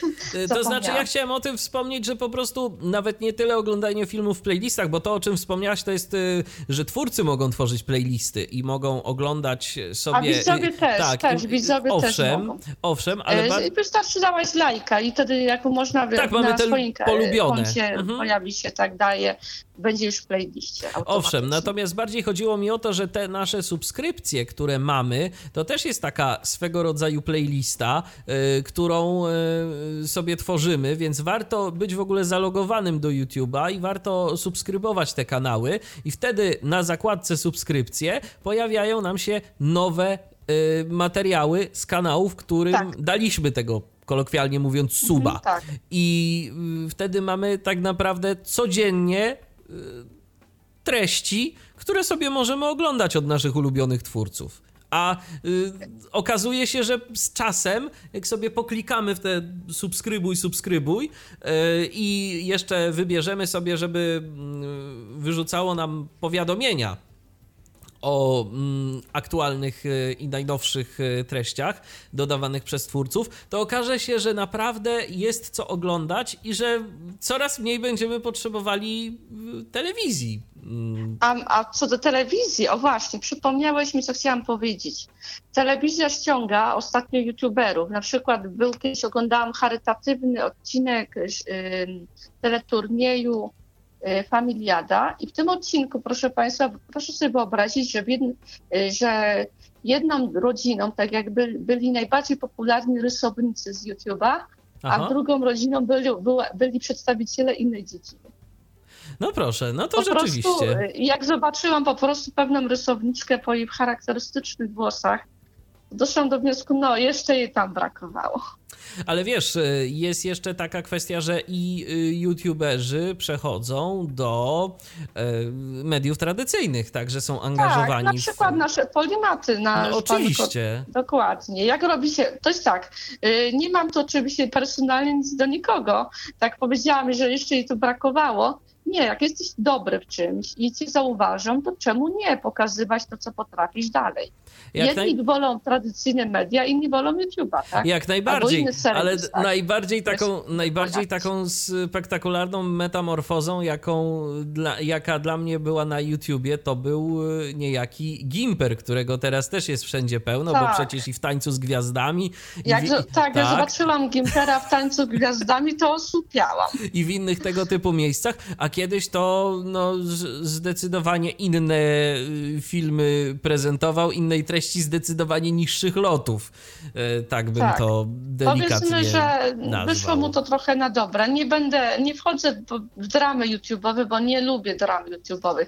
Oglądam YouTube'a pewnie jak Państwo, tylko to, co mnie interesuje, dramy mnie nie interesują wcale. Mam ochotę, jak chcę sobie popsuć nerwy, to się znajdzie jeszcze tysiąc tych powodów, żeby się zdenerwować. Dramy nie, dramy nie. Jeszcze jest taki y, kanał, ale to dla osób, które lubią rysować. Powiem tak, powiem ze względu na to, na, na kunsz artystki i na to, że zwraca uwagę y, na powiedzmy pewne umiejętności. Natomiast nie do końca mi się podoba sposób jej bycia, ale nie mogę jej odebrać talentu. Blondynki też grają. E, film, formalnie wydawałoby się, że kanał o grach, a to jest specjalistka od rysowania przed moim, w moim odczuciu postaci z gier w bardzo realistyczny, fantastyczny sposób. Aczkolwiek nie podzielam jej sposobu bycia, jeśli ktoś wie o co chodzi. Ja szczerze mówiąc nie wiem, ale to sobie potem najwyżej obejrzę i, i, i zobaczę. Po prostu lubi, lubi, pod, lubi niektórym osobom podciąć skrzydła. Aha, czyli e, To też inni rysownicy to potrafili to artyści pokazać, ale, ale nie odbiera mi talentu i umiejętności. Chociaż już zdaję sobie z tego sprawę, że to odczucie tych, tych skrzydeł obcinanych jest stąd, że ona po prostu patrzy na tą dziedzinę nie jako hobby, nie jako po prostu jako y, odreagowanie, ale jako zawód, jako taki, taki powiedzmy profesor ASP. Mhm. Profesor ASP na YouTubie, który potrafi narysować w sposób fenomenalny postać z gry. O. No Może tak. dlatego niektórzy tak mogą to odebrać. No tak. A może ma coś w tym swoim głosie takiego, co, takie, co, co niby jest fantastyczne, ale... Zresztą też ostatnio, tak. jak na przykład słuchałem wywiadu z Pauliną tak. Mikułą z, z tego mhm. kanału, mówiąc inaczej, zdaje się właśnie na tym kanale Imponderabilia, y, to y, te, też y, okazało się, że sporo osób ją dość negatywnie odebrało. Na przykład mnie to zastanawiało, no bo ja w żadnym wypadku na żadnym materiale, jaki oglądałem w jej wykonaniu, no, nie miałem jest takiego wrażenia. Takie odczucie. Tak, Może no, to być takie odczucie. Tak, czasem, czasem po prostu można mieć takie, takie wrażenie. O, jeszcze z takich kanałów y, w ramach twórczości autorskiej mhm. E, jest chociażby kanał Mystery TV, e, który mm, różnego rodzaju historie, grozy, mroczne mhm, opowieści, tak, tak, to tak, tak zwane creepypasty. W ogóle legendy miejskie, tak, legendy tak. miejskie na YouTubie zwane czasami spiskowymi teoriami, również. A to, już, a to jest jeszcze, to kolejna. jest jeszcze inna, to jest jeszcze inna. Tak, to są taka, to jeszcze, jeszcze tak, mm -hmm, dokładnie. Mm -hmm. Chociaż legendy miejskie najlepsze są japońskie ponad się. Kilka rzeczy się zetknęłam, więc myślę, że to, ale to im, to im pewnie przeszło po prostu z, z tego, co pierw było baśniami, potem stało się komiksem, a potem stało się legendą miejską na YouTube'a. Jasne. Ale to jest chyba taka zupełnie inna historia. Tak. No, o Japonii i o twórczości japońskiej to może sobie kiedyś porozmawiamy, ale to zupełnie przy innej okazji. Tak jeszcze, tak, tak zupełnie inna Tak historia. jeszcze na koniec, już odchodząc od tematu YouTube'a, e, to jeszcze zapytam Cię, Justyno, y, mhm. bo mamy temat y, wakacyjny, lato w pełni. Tak, y, dokładnie. Co byśmy mogli naszym słuchaczom polecić, tak jeszcze zupełnie na koniec, z takich miejsc internetowych, na które, pod które warto się udać i w których warto mhm. coś może zobaczyć, przeczytać, obejrzeć? No ciekawe, teraz tak zastanawiam, co można. Aha, dobrze. Mamy lato, tak, tak, tak, to myślę, że tu już będzie właściwie koniec lata. to przypomnę, że y, o Festiwalu Kultury i Sztuki dla osób niewidomych w Płocku, organizowany przez Stowarzyszenie De facto, to są filmy z audiodeskrypcją. W ogóle można szukać, y, ponieważ na Facebooku czasami choćby w grupie dla, w grupie y, jest grupa facebookowa dość prężna, bo to, że jak już mówimy o mediach społecznościowych, ja sobie klikam po prostu, bo nie chcę nazwy grupy przeinaczyć. Niewidomi, niedowidzący bądźmy o, razem. właśnie. Tak, o super, właśnie o tej grupie mi chodzi. To czasami po prostu pojawiają się ciekawe komentarze na temat wydarzeń artystycznych. Czasami na przykład kina organizują jakieś właśnie spektakle z audiodeskrypcją. Myślę, że skoro mamy wakacje i można się rozerwać, to byłoby fajnie popatrzeć na tą grupę, akurat się coś ruszy. Z grupami internetowymi, Facebookiem i to, to w ogóle jest kolejny moim zdaniem temat na, na kolejne pogaduszki letnie. O. Jasne. W ogóle jest kanał też na YouTubie, który się też tym specjalizuje, właśnie w ploteczkach. Ploteczki na luźne rzeczy, tak zwane, czemu nie na wakacje, jakby tak jest, jest jeszcze ten serwis kulturadostępna.pl, tak? O, kultura dostępna w ogóle, też w ogóle a propos, jak już y, trochę liznęliśmy prawa autorskie, to oczywiście organizuje konkursy y, na, na promowanie tego, żeby korzystać z właśnie legalnych źródeł, dostępnych źródeł. Y, to jest to konkurs filmowy, z tego co pamiętam, ale skoro jesteśmy przy filmach i jak Was tu Państwo przekonuje, każda osoba może stworzyć film, więc polecam y, zajrzeć w ogóle, y, polecam zajrzeć, zerknąć na, na, na, ten, na, na tą akcję. Ze stron internetowych, jeśli ktoś się, lubią Państwo powiedzmy artystycznie wynurzyć, to jest serwis aktualne konkursy.pl i tam są przeróżne sekcje. Film, fotografia, pisanie, Czemu i nie? Czemu na wakacje można sobie nie sprawić takiego kto wie, debiutu. Też tak myślę, że no w tak, zwłaszcza, zwłaszcza na przykład, historia... Y, zwłaszcza na przykład jeżeli chodzi o pisanie, bo mamy tak, wśród y, niewidomych y, tak. osoby z lekkim piórem, więc dlaczego by nie spróbować gdzieś może I, jakieś swoje tak. opowiadanie I na tym serwisie zamieścić. są, tak, mhm. są zamieszczane konkursy właśnie literackie. W ogóle widziałam ostatnio na powieść, na wiersze. Ja właśnie sobie jeszcze tutaj sobie kliknę, akurat aktualne konkursy, nawet mogę Możemy się pobawić takie myślę, ogłoszenia na koniec, czemu i nie. Aktualne konkursy, polecamy najlepsze, wybieramy najlepsze, się tak reklamują. I w literackich konkursach yy, mamy właśnie, widzę w pierwszej pozycji nam idą konkursy na poetyckie. Ważne jest oczywiście o tym, żeby przeczytać, yy, kto organizuje, na przykład Polskie Stowarzyszenie Haiku, akurat Japonia, Wiśnie i Wierzby, i tu mamy po prostu różne kategorie. Wystarczy, trzeba napisać wiersz w stylu haiku. W ogóle możemy się opowiadać, czym jest haiku i dlaczego. To już może, to już to może kiedy indziej sobie też Ale poopowiadamy. Tak, mówię, tak, mhm. oczywiście. Jak przy japońskim, moim zdaniem, można sobie w tak. segmencie to opowiedzieć. Ale polecam stronę, jeśli Państwo nie znają, aktualne konkursu.pl i faktycznie pokazują wydarzenia yy, z różnych, z różnych dziedzin. E, też jest, ta, tutaj, jest jeszcze taka dygresja. Oni mają oprócz literackie, fotograficzne, filmowe, sekcja nadesłane.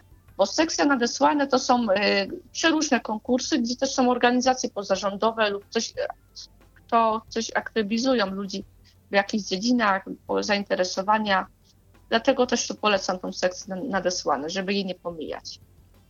Bo jest tam też sekcja międzynarodowa, jak coś jest odważny. Może ktoś z Państwa jest odważny. No tak, ale dobrze włada nie? językiem obcym, tak? Bo jeżeli tak. na przykład jakieś międzynarodowe literackie, to podejrzewam, że język angielski to jest taki must tak, have. Tak, i angielski. Mhm. Tak. Mhm. No dobrze, więc y, myślę, że powoli będziemy mm, kończyć nasze dzisiejsze spotkanie. Porozmawialiśmy sobie o działaniach Fundacji Wygrajmy Razem, porozmawialiśmy sobie trochę o YouTubie, poleciliśmy wam y, trochę fajnych kanałów, y, więc miejmy nadzieję, że coś z tego wyciągniecie. A może gdzieś w komentarzach na przykład polecicie nam tak, jakieś wasze ulubione tak, kanały. kolejne. Jeżeli ktoś, coś, jeżeli ktoś coś ma interesującego, y, co y, słuchacze Tyflo Podcastu mogliby sobie dodać do subskrypcji. Wiadomo, że każdego interesuje co innego, chociaż jak ja przeglądam czasem swoją y, listę subskrypcji, to dochodzę do wniosku, że u mnie to jest naprawdę niezły miszmasz. No ale myślę, że u wielu tak mhm. jest. Y, dobrze. Tak, tak, tak. Zgadza się. Zachęcamy do komentowania, do dzielenia się swoimi własnymi propozycjami, a ja Ci, Justyno, bardzo dziękuję za udział w dzisiejszej audycji. Dziękuję również. Super, że się udało. Udało się jak najbardziej. Ja przypomnę, że moim gościem była dziś Justyna Margielewska z Fundacji Wygrajmy Razem. O działaniach tej fundacji, między innymi o tworzeniu filmu animowanego dotyczącego osób niewidomych sobie rozmawialiśmy, ale jak zresztą e, słyszycie, jeżeli dotrwaliście do tego momentu, nie tylko o tym. Ja również dziękuję bardzo za uwagę. Michał Dziwisz, kłaniam się. Do usłyszenia, do następnego spotkania na antenie Tyfloradia. Tyflo Podcast. Pierwszy polski podcast dla niewidomych. Był to Tyflo Podcast.